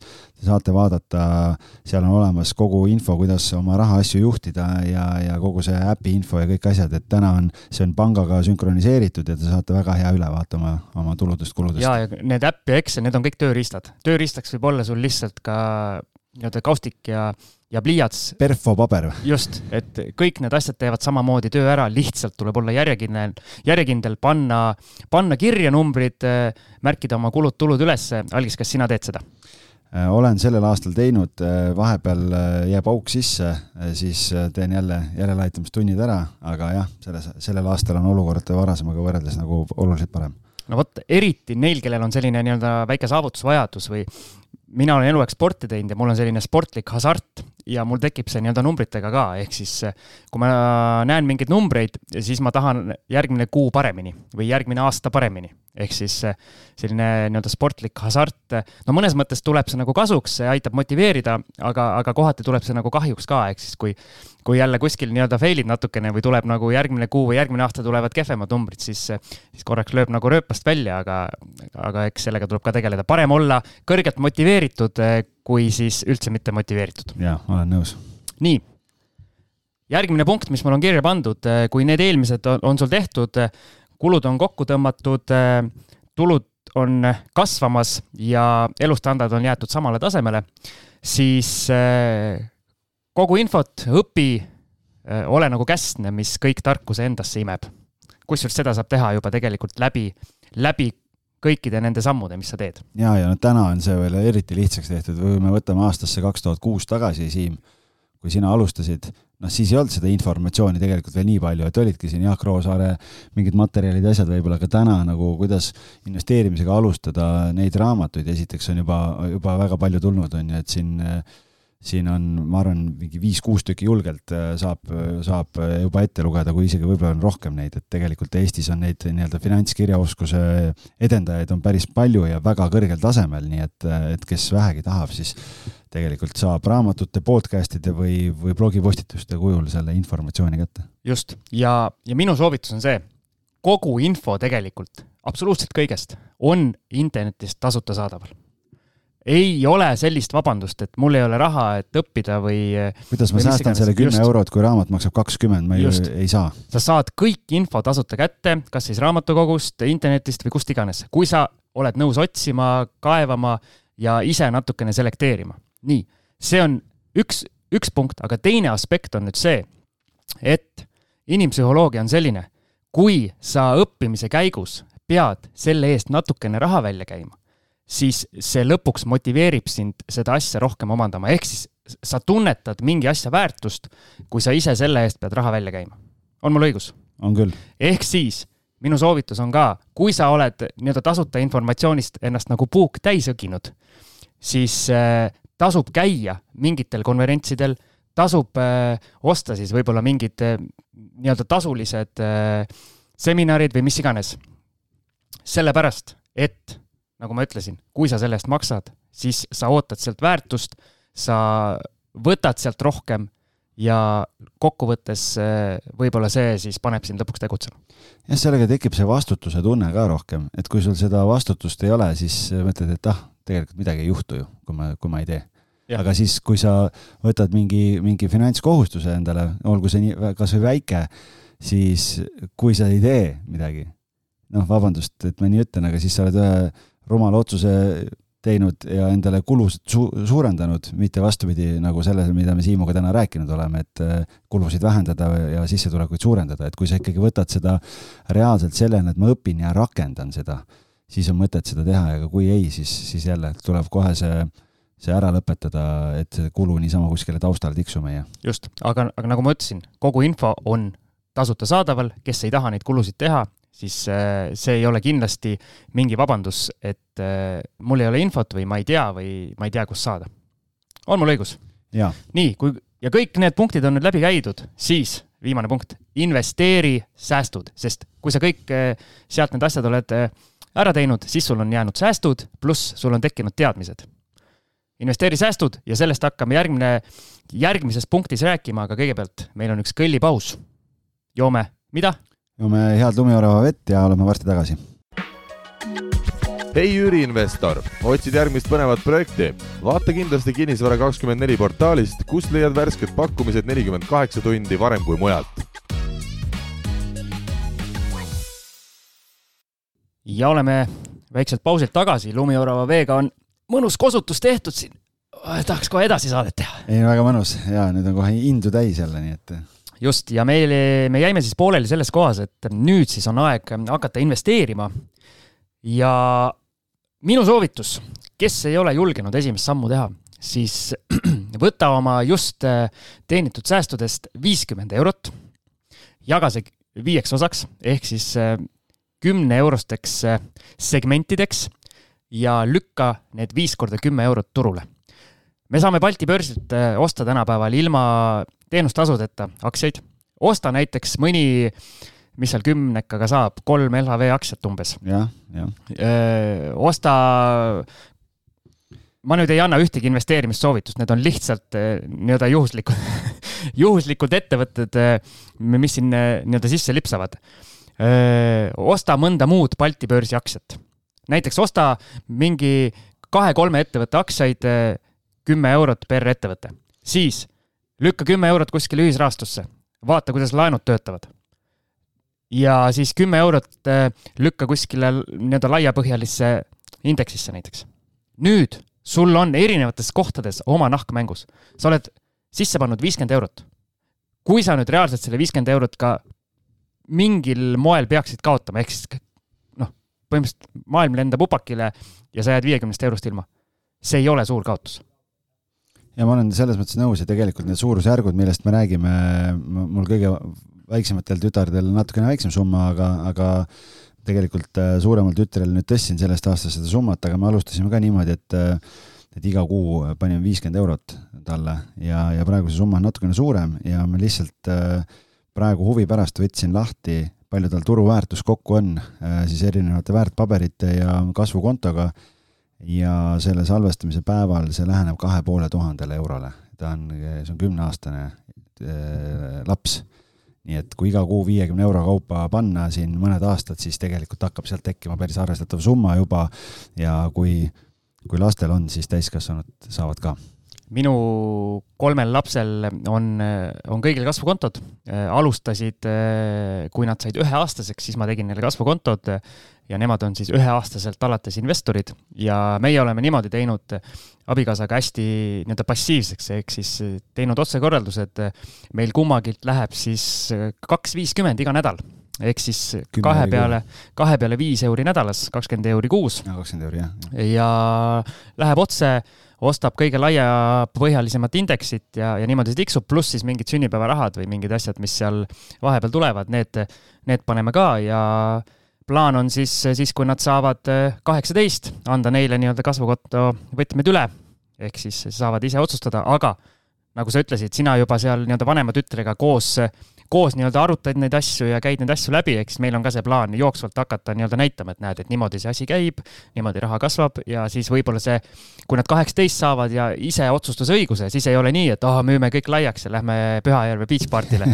Vaid et siis äh, tekib see huvi ise hakata juurde panustama näiteks ja, ja tegelikult äh, mida varemas eas lastega seda tegema hakata, seda rohkem see aja jooksul kinnistub ja, ja noh, selles mõttes meil on jah, praegu kümneaastasega saame ikkagi juba arutada ja ja, ja tema ise räägib kaasa selles, mida me ostame, et äh, tal on ka seal Enefit Greeni ja Mercot ja LHV-d ja Kaubamaja ja noh, erinevaid on ju, et äh, et me oleme ka arutanud, et, et me praegu jah, nagu siit kohalikult turult kaugemale ei ole läinud ja siis talle mingitel kuudel oleme otsustanud, et okei okay,, et paneme nüüd vahepeal kasvukontosse ka nagu. ja kui MES-i teevad ees, siis on see motivatsioon suurem ja see eeskuju ikkagi on nakkav. aga tulles äh, selle minu nõuande juurde tagasi, äh, see on ülisuur vahe, kas sul on oma nahk mängus või sa vaatad lihtsalt kõrvalt. niipea, see on, see võib tunduda naljakas, aga, aga proovige järele, kui sul on kümme eurot kuskil sees, siis äh, see, kuidas sa seda asja vaatad, on hoopis, hoopis, äh, hoopis teise pilguga. sa oled nii-öelda, inglise keeles on äh, hea sõna committed, pühendunud siis sellele. pühendunud, jah jah, et ja need teadmised, mis sa sealt omandad, on hoopis teisel tasemel. ja nagu Algis ütles, sellest äh, viiekümnest eurost äh, saab üsna kiirelt äh, teadmiste ja kogemuste ja nii-öelda kasvades ja hirmude lahtudes saab viiekümnest saab viissada ja nii edasi. ja praegu just on kevadine aeg, väga paljud ettevõtted siin kuulutavad välja dividendimakseid ja asju ja siis ma olengi temale ka, kui tal tuleb, nüüd on olnud siin just, siis ma ei mäletagi, kes siin, kes siin maksid dividende, et Coop vist maksis ja, ja LHV ühesõnaga, ma olen talle öelnud ka, et kas sa panid tähele, et raha teeb raha, et sul tuli siin viis eurot ja kolmkümmend seitse senti, ta ütles, et jaa, ma vaatasin jaa, onju. et selles mõttes, et kui ise nagu reaalselt sellele tähelepanu juhtida ka, siis, siis tegelikult ma ütlesin talle ka, et no näed, et sa ise ei pea tegema mitte midagi, aga sa investeerid raha ja sul raha tekitab raha juurde, et see ongi see mõte. et, et, et kui juba kümneaastaselt selle seemne sinna istutad või noh, tegelikult me hakkasime seitsme, seitsmeselt vist hakkasime talle kasvatama, et teistele nagu väiksemalt et siis, aga kunagi ei ole hilja, selles mõttes ma olen nõus. ja nüüd minu äh, suur, suur life hack teile. Äh, oletame, te olete kümme eurot panustanud äh, kuskile Balti börsil olevale, olevasse aktsiasse, siis kui te mõtlete, et see on lihtsalt nii-öelda tuulde lennanud raha, et see kuskil virtuaalselt eksisteerib, sul on mingi virtuaalne osalus, mini, miniosalus kuskil ettevõttes, siis tegelikult see on võimalik iga aasta ka igal juhul tasa teenida, sa saad minna ka oma kolme aktsiaga näiteks LHV aktsionäride koosolekule, kus on mõnus suupistelaud ja ma, olles seal käinud, olen veendunud, et eh, iga aasta käies ühel aastal sa saad seal suupistelaualt suuremat väärtust kui see kümme eurot, mis sa panustanud oled. ja see on selline nii-öelda lauake kataend olukord, sa saad nende kolme aktsiaga minna igal aastal suupisteid nautima. no ja tegelikult siis on juba, kümnest saab juba mitukümmend. just. jaa ja saad väga tähtsate ninadega koos olla. absoluutselt, sa saad ühes ruumis seda investorite välja hingatavat õhku sisse hingata, et võib-olla, võib-olla on sellest kasu. või jääb külge vaata kuskile nagu, et. et neid riideid ei pese siis aasta aega et ühesõnaga, see on selline väike life hack, et mõtle sellele, kui sul tõesti nii suur hirm on et sa paned raha kuskile huugama, täpselt ei tea kuhu, siis mõtle, et sa ostad endale iga aasta sellise nii-öelda kümne euroga ostad ühe väikese bufee käigu siis. Siim, kas sul on niimoodi garderoobikapis on olemas, et sa iga aasta näiteks, kui on Merko üritus, siis sul on nii-öelda Merko riided, et noh, et seal on see Stardust on seal küljes, et iga aasta panen see, needsamad, et siia koguneb seda, seda investorite tähetolmu, edukate miljonäride tähetolmu, et siis on hea selga panna alati. jah tegelikult eh, ma pean eh, saladuskatte all ütlema, et kui see koroona tuli, siis mul eh, natukene kadus nii-öelda aktsionäride koosolekul käimise harjumus ära, et siis hakati mingil hetkel üle veebi neid tegema, kuna kokku ei saadud. ja nüüd ma ei ole käinud pärast koroonat, aga homme, meie salvestuspäevast arvestades homme, ma lähen Efteni aktsionäride koosolekule. vot nii okei okay., lähed Villeriga kohtuma? on ta seal veel? ma ei tea vaatame, eks ma siis teinekord räägin. ühesõnaga, üks asi, mis ma olen kuulnud, natuke on, on neid suupistelaudu kokku tõmmatud siin viimastel aegadel. ma tean, kui mina investeerimisega alustasin, siis ikkagi kohati oli ikka päris võimas see kui täis selle kõhu sai seal ehk siis natuke isegi naljakas oli, et, minu oma rahaga justkui söödetakse mind aga, aga ikkagi. et aitäh ilusa laua olete mu raha eest katnud. just, et, et minge, minge siis sinna aktsionäride koosolekule kohale ka ja ei ole häbi minna ka oma kolme aktsiaga sinna. sest äh, kuulus kuulsad jutud, mina seda meest ise ei ole näinud, aga on olnud siin Eestis üks, äh, üks selline härrasmees, kellel oli kõikides Eesti ettevõtetes üks aktsia ja siis ta käiski laiemas seal aktsionäride koosolekul ja, ja küsis ja ja tegi seal nii-öelda kino päris tihti, et et sa oled samasugune nagu need, need suuraktsionärid, kellel on kolmkümmend kolm protsenti ettevõttest näiteks. nii. ja kui nüüd tõmbame selle jutu kokku, siis selle kümne eurose säästmise ja investeerimise jutu peale on väga paljude inimeste esimene reaktsioon selline, et ah, mis mõtet on iga kuu seal kümme euri säästa ja investeerida, et sellega ei jõua ju mitte kuskile ja ja et see finantsvabaduse, kogu see kontseptsioon on selle tõttu täielik jura. aga mina ikkagi ütlen selle peale, et see ei olegi mõeldud, see kümme eurot või viiskümmend või mis iganes me selle väikse summa toome, see ei olegi mõeldud sind kuskile nii-öelda rikkusesse nii-öelda raketina viima, vastupidi, harjumuste tekitamine. iga asi nõuab harjumist, me oleme algisega nii-öelda lapsest peale korvpalli mänginud. sa ei osanud oma esimeses trennis seda, mida sa oskasid siis, kui sa olid mänginud viisteist, kakskümmend aastat jah, ma isegi mäletan häguselt neid esimesi trenne. mina ka, ka mäletan, jah päris huvitav. ehk siis kõike see nõuab samamoodi harjutamist nagu ükskõik mis liigutusvilumus või, või millest iganes, laulmine või tantsimine või ma ei tea, jumal teab, kudumine või mis iganes. kõik see nõuab harjutamist ja vilumust ja sa saad harjutada sellest, kui sa teed esimese sammu. ja ma mäletan, mul just paar päeva tagasi oli jälle vanema tütrega oli juttu, ma ütlesin, vaata, et sa praegu seod oma Äh, ketsipaelasid, nii et sa ei mõtle ka selle peale. kas sa mäletad paar aastat tagasi, kui me hakkasime proovima esimesed korrad, ei tule välja, ei tule välja ja, ja siis sai, sai esimesed äh, kogemused kätte. et samamoodi tegelikult on siin, et ühel hetkel, kui sa saad selle, selle rutiini kätte, siis, siis käib juba nii poolautomaat piloodi peal. just, ehk siis harjumuste tekitamine, mitte kohe esimese kümne euroga rikkusesse, see on meie point. jah, et see on maraton, see ei ole sprint. õige algis on tark mees, mulle meeldib. aitäh sulle. nii, ja nüüd jõuame siis konkreetselt kinnisvara juurde, aga siin siis ütleme niimoodi, et me küll käime sellised, mis meil on siin üheksa punkti läbi, kuidas oma esimene kinnisvaraobjekt äh, soetada, kui kõik see säästmise ja sissetulekute kasvatamise ja investeerimisega alustamise faas on tehtud. aga tegelikult need üheksa punkti oleme me läbi hekseldanud kõikides oma, mis meil on juba sada kolmkümmend viis pluss äh, episoodi, pluss äh, erinevatel kinnisvaraõhtutel ja nüüd ka kinnisvaraseminaridel, mis meil on olnud ja tuleb, ehk siis kõik see info sügavuti ongi see, millega me igapäevaselt tegeleme ja, ja tegelikult äh, sada, saade sada kolmkümmend kaks kinnisvarasse investeerimise abc ehk tagasi täiesti esimesele ruudule. seal me võtsime ka kõik need erinevad kinnisvarasse investeerimise võimalused lahti ja kes tahab selle kohta nagu väga põhjalikult koos näidetega, et siis selle kohta tuleb ühel hetkel ka veebiseminar või selline online koolitus, mida te saate osta ja lihtsalt siis step by step nii-öelda samm-sammult koos meiega läbi käia ja, ja sealt nagu nii-öelda väga sügavuti minna.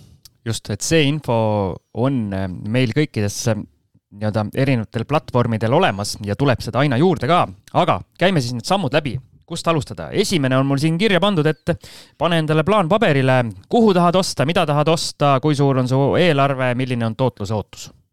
sellest kõik algab, ehk siis sul peab olema mingi visioon. jah, ja tegelikult seda visiooni aitab ju kokku panna ka see, et sealt, kus sa, kus sa asud, et kui sa täna ei tea, et noh, ma ei tea ju, palju mul on raha vaja siis äh, võta kinnisvaraportaal lahti, vaata, mis hinnaga korterit sul seal ümberringi müüakse ja see annab sulle aimduse, et äh, mis see suurusjärk on. loomulikult, kui sul müüakse kolmekümne tuhandega mingit korterit naabermajas, ei tähenda, et sul on kolmkümmend tuhat eurot vaja, vaid sul on vaja oma finantseeringusumma kokku saada ja sellest natukene hiljem räägime ka. sinna veel jõuame, jah. aga ma toon siia nii-öelda puhtalt oma näite, et kui ma pärast koroona hakkasin kinnisvara usku pöörduma, siis minu esimene plaan oli siis vaadata Tallinnasse korterit, mu eelarve oli pandud esialgu kuuskümmend tuhat, ostuks läks kuuekümne kolme peale, ehk siis ma natukene pigistasin pärast juurde. Ja tootluse ootust ma endale siis ei seadnud, kuna ma väga täs-, nii-öelda väga hästi ei osanud seda teha. tagantjärele targana öö, oleks ma ikka selle nii-öelda objekti ära ostnud, nii et selles osas läks hästi ja noh, see on, äh, ütleme noh, selle konkreetse plaani kirjapanekuga tegelikult äh, no ma mõtlen, et võib-olla see, et mis on tootlused ja asjad, et võib-olla kõigepealt ikkagi esimese sammuna ma mõtlen lihtsalt seda, et, et inimene peaks nagu selle lahti mõtestama enda jaoks. et mõtle nüüd täna selle peale, et kas sa saad osta kodulaenuga selle korteri või sa pead ostma mingi sinna me veel jõuame kohe. jah, aga noh, et selles mõttes, et, et inimese jaoks, et ei tunduks see nagu hoomamatu, ehk et äh, lühidalt öeldes, et kui sul korter maksab kolmkümmend tuhat, siis küsimus on selles, et kas sul on vaja kümme protsenti endal, kakskümmend protsenti endal või nelikümmend protsenti endal. et see on nagu see, mis, mis sul on vaja nagu aru saada, et kui palju sul seda raha kokku on. ma pigem siin äh, esimese punkti juures mõtlengi seda kõige lihtsamat tootluse arvutust, ehk siis äh, nii-öelda üüri, üürivoog äh, ostuhinda selles suhtes, e-, ehk siis sa saaksid aru oma plaani tehes, et äh, kinnisvarasse investeerimisel või üürikinnisvarasse investeerimisele, investeerimisel ongi vastavalt turusituatsioonil see viis kuni äh, võib-olla seal väiksemates kohtades kuni kümme protsenti on see nii-öelda vahe, kuhu sa sihid. Ei ole, ei ole kinnisvara mingi, mingi maagiline, maagiline varaklass, kus kakskümmend protsenti või sada protsenti aastas sul nii-öelda tagasi tuleb, et ei tasu seda oodata, et, et nii juhtuks. Lähme number, number kaks punkti juurde, hakka endale turutunnetust looma surfa kinnisvaraportaalides ja käi kortereid vaatamas. Et esialgu siis mina soovitan valida mõned tuttavad piirkonnad välja, kuhu keskenduda ja võib-olla sa oled oma kodu kuskile ostnud, kuskil midagi müünud juba, ehk siis mingid kinnisvaratehingud ikkagi igal inimesel reeglina on hinge taga. kui ei ole, siis tasub võib-olla uurida oma vanemate käest või sõprade käest, et mingid nii-öelda hinnaankrud nagu teada saada, et mis ajahetkel kuskil, mis hinnaga midagi müüdi ja hakatigi siis, tähendab hakatagi siis vaatama portaalides, et mis on see nii-öelda pakkumiste hind. Sest ah,, üks asi veel, portaali hind ja hilisem tehingute hind, need on kaks täiesti erinevat asja. jah, et seal on reeglina ikkagi väike vahe on sees, et äh, ma arvan, hindajate suust on kuidagi kõrvu jäänud, et see võib isegi kuni viieprotsendine erinevus olla, noh, niisugune keskmine. kindlasti leiab paremaid maasikaid ka, kus sa saad, saad rohkem alla kaubelda, aga noh, et see on selline, seal on lõtk on ikkagi sees just, ja teise poole pealt siis võta needsamad piirkonnad ette ja hakka jälgima üürikuulutusi. mida pakutakse, mis hinnaga pakutakse, minu nipp on see, et mine sinna kohalikesse Facebooki gruppidesse piiluma, et eh, kui palju üldse seal üürinõudlust on, kui palju seal gruppides kirjutatakse, et tahan üürida, olen kõik nii-öelda kuulutused üle vaadanud, et äkki kellelgi on eh, nii-öelda althõlma midagi anda, et sellega tekib järjest, mida rohkem sa seal sees oled, mida rohkem sa jälgid nende piirkondade kohta, seda rohkem sul tunnetust tekib on mul õigus? on küll. aga Algis, sina kui maakler, kui, kui suur erinevus on üürikuulutuste ja hilisema selle nii-öelda üüritehingu summa vahel, et minu, minu tunnetus ütleb või minu loogika ütleb, et seal sellist olulist lõtku ju nagu väga ei ole. tegelikult ei ole jah, et, et ja noh, see sõltub muidugi piirkonnast ka, aga nagu meil saatekülaliste juttudest on ka ju jäänud tegelikult, et väiksemates piirkondades pigem seda pakkumist on vähe ja seal on ikkagi nii-öelda joostakse rohkem tormi, kui see, et sul tohutult keegi hakkab hinda alla kauplema. noh, näiteks mul endal praegu maaklerina Mustamäel on üks uusarenduse korter seitsmesaja viiekümne euroga üleval huvilisi on vähe käinud, aga noh, omanikul aasta aega korter tühjana seisnud, tal otseselt kiire ei ole, noh et natukene või, võib veel oodata et noh, me ütlesime, et proovime korraks ja nüüd eile üks inimene kirjutas, et noh, et kas omanik oleks nõus hinnas natukene alla tulema ja siis ma küsisin, noh, et mis teie eelarve on? Ja siis ta ütles, et noh, et kui saaks seitsmesajaga, et siis ta tuleks, vaataks, et see on tema eelarve piir, et ta üle selle ei lähe, ehk et ta julges küsida, noh, ma ütlesin, et lähme vaatame ära ja siis saab nagu edasi rääkida, aga tihtipeale ikkagi väga sellist kauplemisruumi nagu ei ole, et, et, et pigem nii nagu üleval on, nii läheb ka. ja mida rohkem see tunnetus hakkab tekkima, siis sa nii-öelda näed ise ka ära, et kui tuleb mingi sellise naeruväärse hinnaga objekt üles, mis ära ka ei lähe, ehk siis, siis sa juba hakkadki aru saama, et see on ülehinnatud ja need ülejäänud on siis nii-öelda õiglaselt hinnastatud, mis siis umbes ma ei tea, võib-olla nädala-kahe-kolmega lähevad nii-öelda turult kohe ära ka. ehk siis jälgida seda ka, et kulustus tuleb ülesse, kui kaua ta seal on ja, ja millal ta ära läheb. ja, siis... ja seal on ju see vahe ka ikkagi noh, et kui Siim ostab korteri, renoveerib selle täielikult ära Vaidas ja paneb selle kuulutuse ülesse või on kellelgi seal viisteist aastat tagasi tehtud remondiga korter, mõtleb, et oo, kuule, näed, et see korter läks nädal aega ära, et ma panen sama hinna, noh, siis tõenäosus, et ta selle sama hinnaga ära läheb, on üsna väike, et seal ikkagi kvaliteedi vahe määrab ka. just, ja see ongi täpselt see tunnetuse nii-öelda hankimine, mis tekib ajaga, mis ei teki ka ühe õhtuga, sa ei suuda nii-öelda hoomata kogu seda asja. number kolm punkt kui tahad pangalaenuga osta, siis võta üks enda oodatavatele kriteeriumitele vastav objekt ja tee kõikidesse pankadesse lihtsalt laenutaotlused. Ja siinkohal ongi nüüd see, see koht, et kas sa lähed kodulaenuga ostma või sa lähed ärilaenuga ostma, et äh, nii-öelda seal on väike vahe sees ja omast kogemusest ma siin kohe nii-öelda ärilaenu puhul, äh, minu soovitus on see, et äh, uurida natukene ja kirjutada laenuhalduritele otse, mitte siis teha see veebis see laenutaotlus, anonüümne laenutaotlus nii-öelda, justkui anonüümne. Vaid äh, otsida välja, küsida sõprade-tuttavate, kas või meie käest, keda te soovitate, minu käest on küsitud, meie kuulajad on küsinud, et et kes sul seal LHV-s see laenuhaldur on, et ma tahaks ka. Ja mina olen soovitanud.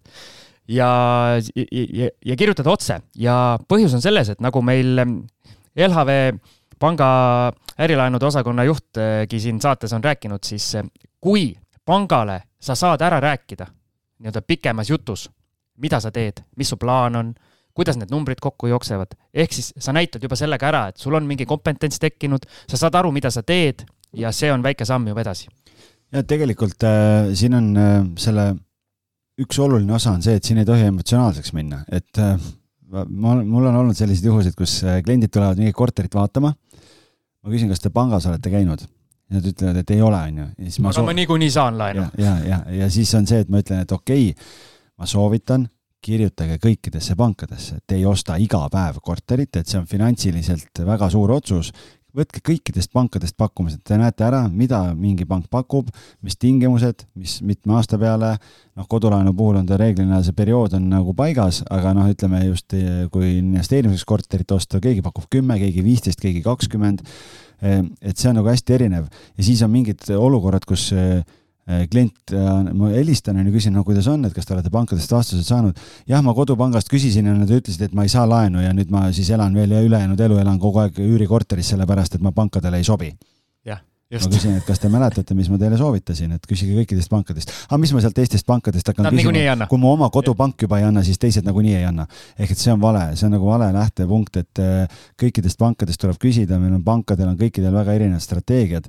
nii et, äh, et see, et sa sellist asja nagu kodupank ei eksisteeri. mina olen, äh, olin kakskümmend viis aastat ühes toredas Rootsi pangas, kes siis, kui mul oli kodu ostmise aeg oli käes, arvas, et ma ei ole laenukõlbulik, aga, aga ta ütles, et neil on kõige paremad sularahaautomaatide võrgustik Eestis, millega mul kodu ostes muidugi väga midagi pihta ei ole hakata.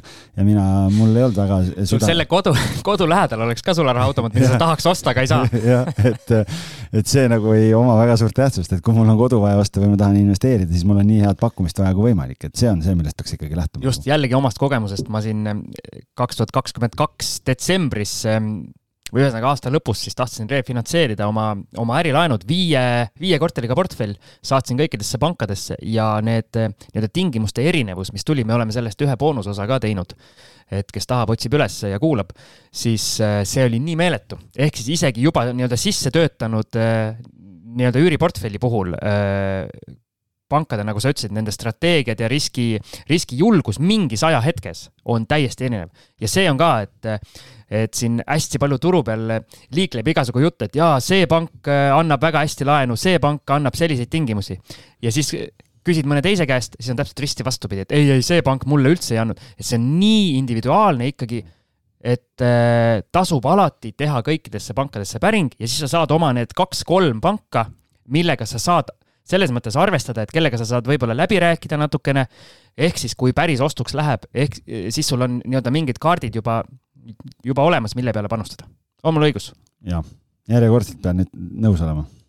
esmakordselt nii ühisel arvamusel. nii, number neli, tee julgelt pakkumisi kui sa käid enda kriteeriumitele vastavaid objekte vaatamas, siis mõtle alati selles aspektis ka, et mis hinnaga see objekt sinu jaoks hea diil oleks. ehk siis piltlikult äh, või siis otseselt võid ka need oma numbrid äh, Excelisse panna, arvutada, et äh, mis see ostuhind peaks olema, et sa oma soovitud tootluse kätte saaksid. ja, ja see, millest või, või tähendab, mis seal Excelis peaks olema, sellest me oleme tegelikult ka ju ühe konkreetse osa, osa teinud, algise kiired näpud siin praegu juba guugeldavad, et mis number ja mis selle nime mis nimeline see episood oli? saade number seitsekümmend viis ja selle pealkiri on Mida kuradit tähendab lause, kui numbrid Excelis kokku jooksevad. just, ehk siis kuulake see saade ka ära, nagu ma ütlesin, meil on kõik need teemad sisuliselt juba lahatud, mõni kaks-kolm korda. Eh, ehk siis eh, tuleb otsida ja, ja üles leida ma selle pakkumise tegemise koha pealt ütlen lihtsalt seda, et suurim viga, mida ma näen, mida tehakse, on see, et äh, sa lähed liiga ülbeks Äh, või nagu liiga ahneks, et äh, mul käivad ka kliendid käivad korterit vaatamas, küsivad, kas pakkumist saab teha, no me oleme ju müüjaga, kui maakler on vahel ka veel, me oleme müüjaga strateegia kokku leppinud, ehk et äh, kus on see piir, kust allapoole kindlasti hinnas ei lähe, on ju, miks tal on mingi põhjus, miks ta tahab nii palju kätte saada, mingid asjad või noh, otseselt tal ei ole vajadust kümme-viisteist protsenti alla turuhinna müüa. Ja siis ostja küsib, et kas pakkumist on võimalik teha, siis ma räägin talle ära, kuidas huvilistega olukord on, kõik need asjad. Ja siis ma ütlen, et kuule, noh, et, et, et et te võite teha ju pakkumise, minu asi on, mina olen see middleman, mina vahendan, aga ärge kirvega tulge, et ärge noh, et ma ei, et ei ole mõtet eh, üksteise aega raisata. Ja kui tuleb mingi selline väga utoopiline pakkumine, siis mul ei ole isegi mõtet omanikule seda pakkumist hakata edastama, sellepärast et me oleme kokku leppinud nagu, kus, kus see nagu noh, et mis need tingimused või kriteeriumid on.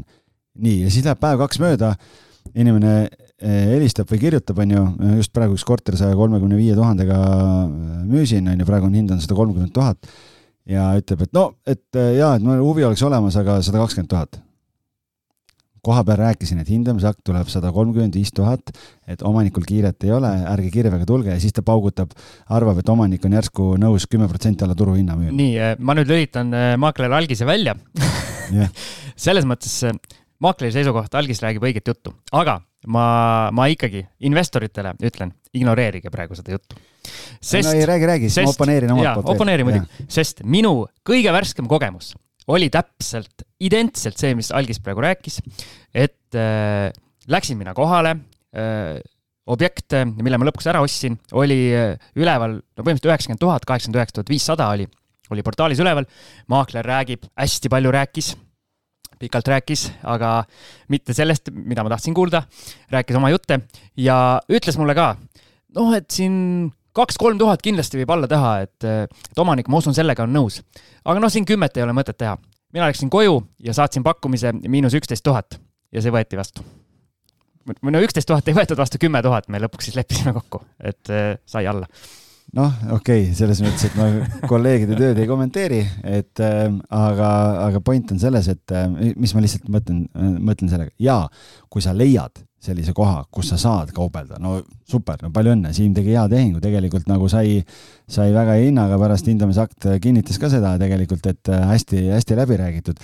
ma lihtsalt ütlen seda, et mingitel juhtudel sa jääd väga heast asjast ilma sellepärast, et sa lähed liiga ahneks. et, äh, et selle korteri puhul näiteks ka see konkreetne inimene tahtis investeerimiseks osta seda korterit ja ma uurisin, noh, et mis tootlust te ootate ja asjad ja tegime koha peal arvutusi, et tegelikult ma ütlesin, et noh, et, äh, et siin on enam-vähem, numbrid ju jooksevad kokku. aga ta oleks, oleks ta küsinud, ma ei tea, kolm tuhat või viis tuhat alla, ma arvan, ma oleks saanud omanikuga rääkida sellest võib-olla ja, ja võib-olla oleks isegi õnnestunud, on ju. aga ta tuli viisteist tonni alla küsima ja ta jäi väga heast asjast ilma. E, eks see läbirääkimiste nii-öelda asi ongi selline mitmetahuline, ehk siis ma olen ka sellega nõus, et päris, päris nii-öelda mõtestamatult ei. osa omanikke solvub ka ja ei ole pointi et, nagu. et isegi kui, kui ja mulle on öeldud, omanikud on öelnud, et äh, sellele inimesele me ei müü, sellepärast et see on solvav pakkumine, ükskõik kui ta tuleb uue pakkumisega, mina temale, teda enam kuulda, jutule ei võta nagu. aga mina teile investoritele, kes te kuulete, ütlete täitsa kama kaks. kui see omanik ei müü, sa lähed võtad uue objekti selles mõttes, et e, e, see ei ole emotsionaalne kodu ostmine. kui sa sellest ilma jääd, et siis on ahastust kui palju, siis las olla, siis las ta ei müü vaata, mis ma kuulen, vau, ma mäletan seda Siimu, kes käis äh,, las ma ütlen, Seebi tänaval vist oli see korter, käis pisar silmil helistab mulle, helistab mulle, ütleb, et täitsa lõpp, ma jäin sellest korterist ilma ja, ja oli nii löödud ja ma ütlesin, mees, sa ei tohi armuda ühtegi objekti, seal leiad kuskilt järgmise parema ja nüüd vend paneb, no näed, vaata. inimene areng, areneb, inimene areneb. ja samm-sammult, see on nagu udus sõitmine, vaata. ja, ja, ja väga hea, ei no super, et seal ongi, lihtsalt seal on ja seal on neid tahke on hästi palju ja loomulikult jõuame jälle sinna, mida me oleme korrutanud nagu mantra, et ostes tehakse raha, et selles mõttes jah, et äh, ma ei, ma ei saa öelda, et ärge pakkumisi tehke, aga lihtsalt nagu kuulake natukene seda ka, mida räägitakse, et kui, kui. kuulake mõistushäält. jah, et, äh, et päris nagu solvavaid pakkumisi ei ole mõtet teha. sellega ma olen nõus, minule ka ei meeldi solvata, ehk siis mina olen välja, välja töötanud enda jaoks sellise Äh, sellise strateegia, et ma justkui äh, enam-vähem tean, vaata, mis hinda ma tahaks või mis hinnaga ma olen nõus ja siis ma nagu ütlen, et noh, et mul ei ole mõtet pakkumist teha, kuna see mu pakkumine oleks ilmselt teie jaoks liiga madal, et see läheb nagu nii kõrgema hinnaga. ja siis tavaliselt kas maakler või omanik siis saadab mulle, noh, et tehke ikka. ja siis ma umbes, noh, et umbes sellise ruuduhinnaga ma oleksin huvitatud ehk siis äh, ma ei tee nagu otseselt pakkumist, aga, aga kuna ta ise küsis, siis ma nagu ütlen ära ja siis mul tavaliselt tuleb nojah, jah, et sellega me praegu ei müü. ehk siis äh, ma saan oma selle numbri talle välja käia, aga, aga sellest nagu äh, noh, võib-olla keegi nagu solvub ka, aga tundub, et ei solvuta ehk siis ma nagu üritan niimoodi vaikselt, ma ei lähe niimoodi, et viskan ainult selle numbri, kaheksakümmend tuhat, viskan kuskile nii-öelda õhku.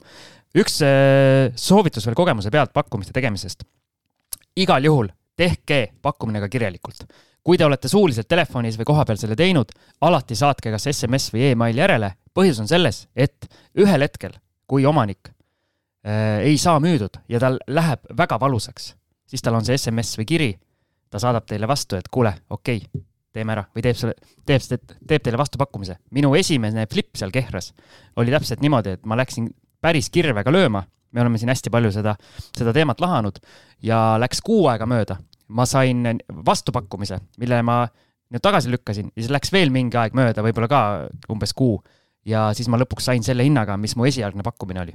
ehk siis tuldi tagasi, kuna märk oli maas ega seal natukene peab vaatama lihtsalt ka seda turusituatsiooni ja asukohta, kus sa oled, et kui suur see pakkumiste arv ja asjad on jah, et mida vähem on turul pakkumist, seda väiksem jõuõlg on sul äh, pakkumist teha, et kui pakkumist jagub, nii nagu meil Tallinnas praegu, et sul on võimalus valida, siis sul on tugevam positsioon, aga kui sul on kohapeal kolm või viis korterit on ainult müügis, siis tõenäoliselt see positsioon on natuke nõrgem. just, aga see pakkumise tegemine ei võta sult nii-öelda ei küsi mingit leiba ega midagi, sa teedki kümneid ja kümneid ja kümneid pakkumisi. jah, lihtsalt üks osa on äh, need nahaalid, kes, millest me ka oleme rääkinud, et nad saadavad pakkumise ilma kohal käimata ja siis panevad lihtsalt ei tere mitte midagi, lihtsalt saja tuhandest korterit müüd, kirjutab sulle seitsekümmend tuhat no aga märk on maas. võib-olla sa kirjutad talle vastu pärast. no teeme kuuskümmend üheksa.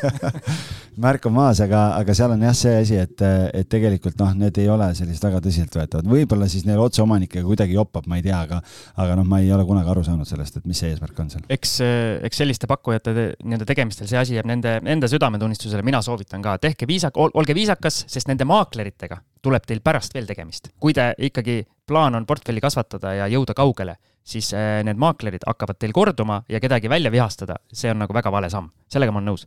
aga kõike saab teha viisakalt, ka väga kirvega pakkumist saab teha viisakalt, ehk siis äh, on ju? jaa, on küll, et selles mõttes, et kõik on kommunikatsiooni küsimus ikkagi, et äh, loomulikult. just, lähme edasi. nüüd on see hetk, kui pakkumine võeti vastu, paramparaa.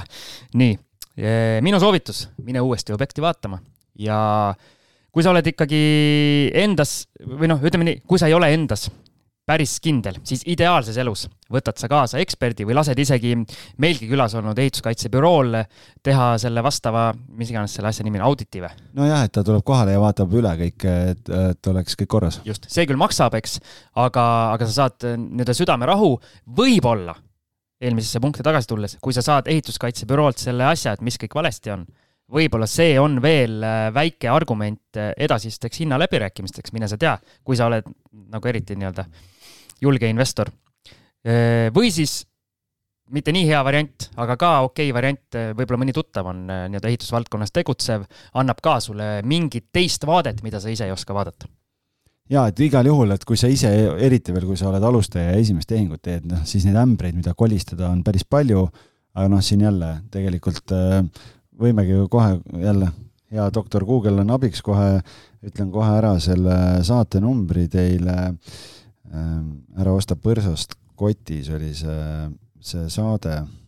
nii, et soovitan ära kuulata. see on saade, Siim oli siin veel nii algajat, ei pannud isegi saatenumbrit, aga ühesõnaga. mis asja? kakskümmend kolm november kaks tuhat kakskümmend oli see saade meil, et ehitusekspert aitab, kuidas veenduda, et ei ostaks kinnisvaraturult põrsas kotis, ma vaatan praegu no,. see on päris äh, üks. see on saade number kaheksa. jaa, see on. päris alguses. me olime ikka ülirohelised siis puised. jah, aga näed, et kaks tuhat kakskümmend, aga see teema on endiselt sama, sama relevantne, nii et äh, soovitan kuulata. just, lähme edasi, meil on vaikselt ajahädas oleme. Äh, kuues punkt, äh, uue objekti infoga siis nüüd, nüüd tuleb panka pöörduda ja nüüd siis nende kahe-kolme pangaga, mis sul sõele all on jäänud, millega esialgne nii-öelda otsus on eelmise objektiga äh, mis sa neile saatsid tehtud, siis ütled, et näed, et sellest eelmisest asja ei saanud, aga nüüd siis mul on näiteks broneeritud ka juba ja, ja tahan sellega tehingusse minna, et äh, lööme nüüd laenuleping lukku. ja siis notarisse. jah, ja tegelikult ma soovitan broneerimislepingu ära teha, kui sa ostad korteri ära, et siis on kindel, et sa ei jää ilma sellest jah, broneerimislepingutest me oleme ka rääkinud, igasugustele asjadele ei tasu alla kirjutada. just, et see on ka hästi oluline jällegi jah, et, et, et see paber oleks nagu korrektne. aga sellest me räägime eraldi ka ilmselt ilmselt kuskil veel. see on selline teema, mis on ikka jälle üles tuleb. seitsmes, mida notaris jälgida ning mis võiks olla notarilepingus fikseeritud? minu, minu soovitused ja Algis siis lisab oma suure-suure kogemuse pealt, sest see mees on, põhimõtteliselt elab notarites üleandmise ja vastuvõtmise kuupäev kindlasti ja mis juhtub, kui selleks kuupäevaks objekti üle ei anta. tavaliselt on seal mingi leppetrahvi moodi asi iga päeva eest. Kui mööbel ja tehnika jääb sisse, siis notarilepingusse sisse panna kõik esemed, mis korterisse peaks jääma, sest muidu on sul niimoodi, et kui seda lepingus kirjas ei ole, suusõnaliselt on kokku lepitud, et see viietonnine diivan ja suur viiekümne, viiekümne jah, viiekümne. viiekümne tolline ja tonnine, just viiekümne tolline suur telekas jääb ka seina peale, aga pärast saad korteri kätte, siis ei ole mitte midagi, ainult need tüübliaugud on ja ma olen, olen notaritelt kuulnud jutte, kus on isegi vetsupotid ja kraanikausid kaasa võetud, nii et eh, kuna ei ole kokku lepitud eh, tehingut lukku lüües, mis korterisse jääb, siis pärast ostjatel on, on suur pettumus. minul ühel, ühes korteris viidi, viidi need eh, laelambid ka minema, aga ma olin rahul sellega, ma panin nagu uued nii, esemed esemed kirja ja ah,, ja siis jälgida kindlasti, et kõik äh, seal notarilepingus olevad objekti andmed oleks samad, mis müügikuulutuses äh,. ruutmeetrite suurus, tubade arv äh, ja kõik, kõik, et. Äh, jah, sest kuna notar võtab registritest andmed, siis on hästi oluline ja noh, tegelikult sulle nii-öelda kindlustunnet annab ka see, et tegelikult kui pank on tehingus, siis pank kontrollib ka need asjad üle ja kui kuskil on mingid ebakõlad, siis pank annab kohe märku. just, sest seal on ju hinda, nii-öelda hindaja hindamisakt on, on ka vahel, kus ja. neid asju kontrollitakse, ehk siis see, see hindamisakt ka tuleks läbi lugeda väga ja et kui hindaja saadab sulle hindamisakti ja sealt jääb mingi selline kahetine info jääb kõrvu, et umbes ma ei tea, et noh, tegelikus registris on andmed sellised, aga, aga siin on selline ja selline, et siis tegelikult see on üks koht, mis võib olla selline red flag või noh, punane lipukene siis, eh, kus tuleks korra panga tähelepanu ka sellele juhtida ja arutada, sellepärast et, eh, et muidu võib pärast pahandus olla. mul viimase korteriga täpselt selline olukord oli, kus eh, hindaja tegi hiljem hindamisakti ümber, kuna seal tekkis väike väike nii-öelda arusaamatus, et äh, ja, ja tehti ümber, et, et selline natuke ekstraordinaarne olukord oli, et hindaja jaoks ka, ma sain aru, et esmakordne. ehk siis äh, selliseid asju juhtub, tuleb ise ka väga tähelepanelik olla ja minu kõige tähtsam soovitus, kui millestki notari tehingu ajal aru ei saa, siis kohe küsida notarilt. notarid reeglina on kõik väga toredad ja vastutulekud ja nad selgitavad kõik asjad lahti, sest see ongi see töö, mida nad sinna on tegema tulnud. on ju? ja ongi ja tegelikult notar on neutraalne osapool, kes äh, kõikidele küsimustele hea meelega vastab ja tema hoolitseb selle eest, et juriidiliselt oleks tehing korrektselt tehtud. Jah, ja et kõik osapooled saaksid aru, mida, millele nad alla kirjutavad.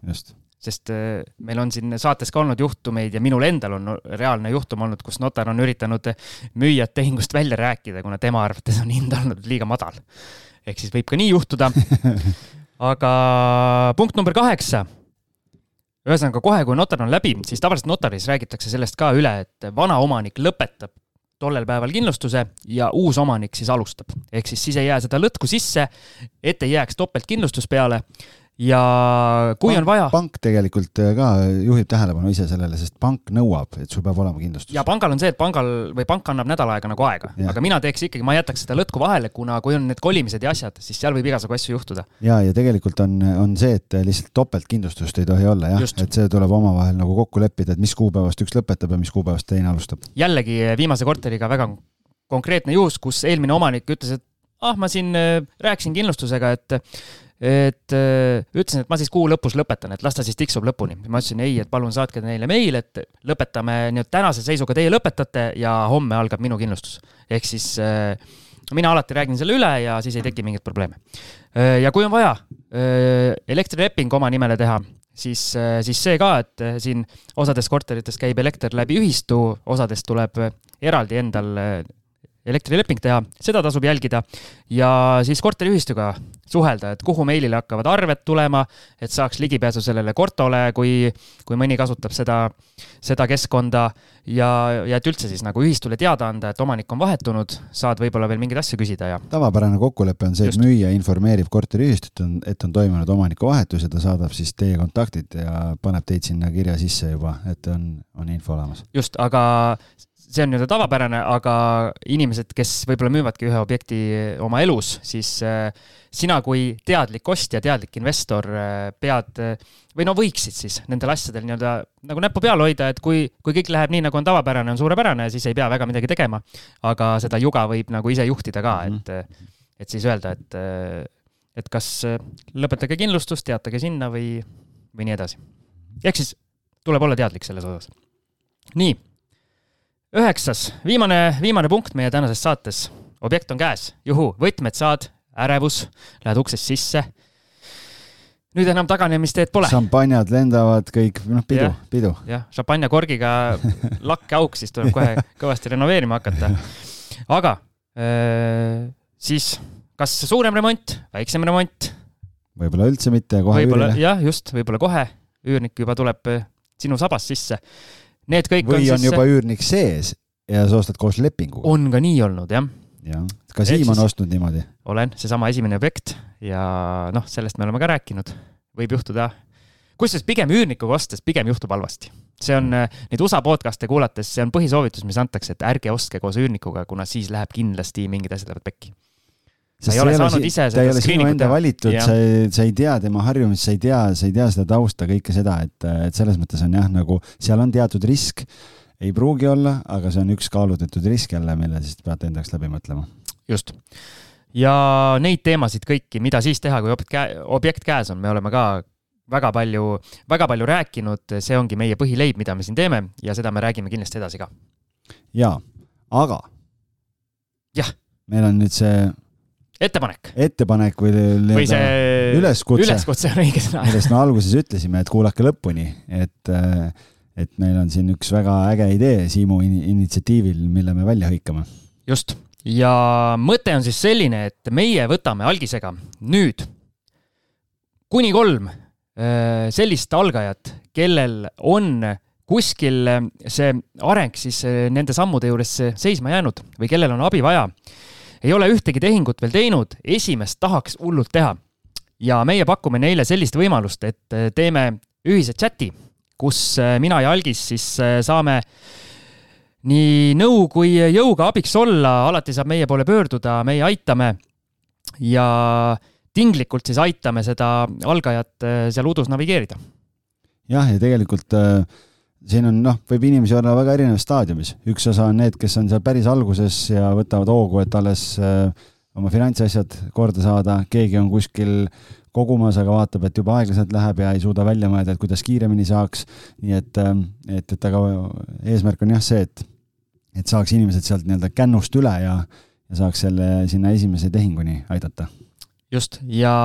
Siim, kas ma võin ka sulle sinna chati kirjutada ainus tingimus või eeldus on siis see, et eh, need inimesed oleks nõus ka saates enda tegemistest rääkima, ütlen kohe välja oma nimega, siis eh, ei pea olema, kui ei taha et me võime mingi varjunime välja mõelda, aga, aga jutt peab siis olema jutt peab olema õige. noh, jah, et selles mõttes tegelikult me ikkagi julgustaks oma nimega tulema, sellepärast et siis inimesed suudavad, suudavad resoneeruda ja sellest, see on ka nagu jälle see, et kuna me kogu meie podcast'i mõte algusest peale on olnud see, et ise õppida ja teistel oleks võimalik õppida, et, et siis kui on kui on siin Mati Maasikas ja Kati Kati Kuusik ja noh, mingid varjunimed kõigile, et siis võib-olla tekib selline tunne, et me oleme siin mingit butafooriat tegemas. algis Assamallast. jah, no seda ei usu keegi et aga, aga jah, et, et ikkagi kõigepealt, et kui me alustame, me kutsume teid stuudiosse külla, arutame läbi ja siis hakkame pihta ja siis pärast, kui tulemused, asjad on olemas, siis on inimestel reaalselt näha äh, nii-öelda me kuskile teile monumente püstitama ei hakka, aga põhimõtteliselt saate kõvasti feimi ja võib-olla saate sulli ka kuskilt. jah, ja saate kõvasti kogemusi, saate uusi tutvusi ja hüpata pea ees vette siis ja. teiste abil. just. jah, ehk siis. kolm inimest kuni kolm inimest, jah. mille põhjal kas me valime kolm esimest või me tead, ma ei tea veel. seda mõttes, ma ei ole välja mõelnud. ma arvan, et me ei vali kolme esimest sellepärast, et, et te võiksite lihtsalt äh, oma loo kirja panna ja lepime kokku, et need tulevad Siimu emailile. ja äh, väga hea, et sa ütlesid. saatke kogu see info, palun, siim at rahajutud.ee. jah, ja siis sealt me vaatame üle need, sellepärast et kui meil hakkab järsku tekkima mingeid kolmeseid chat'e Facebooki siin mitukümmend, siis jube halb on, kui peab hakkama väga paljudele niimoodi ära ütlema, et lihtsalt saatke eelinfo ära mis seisus te olete, miks te arvate, et me võiksime just teid võtta sinna, kuidas me ütleme siis, mentorlusse? mentorlusse jah, et me valime siis kolm inimest välja ja kui see asi eh, nii-öelda päris kenasti lendab, siis eh, teeme. Vol kaks ja Vol kolm ka. jah, et saame seda jätkata. just. nii et pikk-pikk osa jälle, jälle purgis ja nagu, nagu ikka, me alguses mõtleme, et meil ei ole millestki kahekesi rääkida ja siis läheb äh, internet lõhki, kui saade läbi saab, sellepärast üle pooleteist tunni on siin juba, juba jauratud. tead, aga ma pean ütlema, et mul oli endal väga põnev, et äh, ja, ja väga inspireeriv, et mul hakkasid endal mingid mõtted genereeruma peas juba ja ma juba tean, mida ma täna teen äh, teistmoodi ja, ja mul oli endal sellest abi, nii et ma loodan, et teistel ka eneseabi podcast on. jaa, väga hea, jumal tänatud. super, aga aitäh kuulamast, aitäh, Algis, et sa siin äh, aitasid kaasa rääkida. ja, ja aitäh, et sa selle teema lauale tõid, väga vajalik ja oluline. palun, olge tublid, tšau. sinu teekond eduka tehinguni algab Kinnisvara kakskümmend neli portaalist. meie juurest leiad huvilise nii oma Setomaa suvilale kui Kalamaja korterile. kuuluta õiges kohas kinnisvara kakskümmend neli punkt ee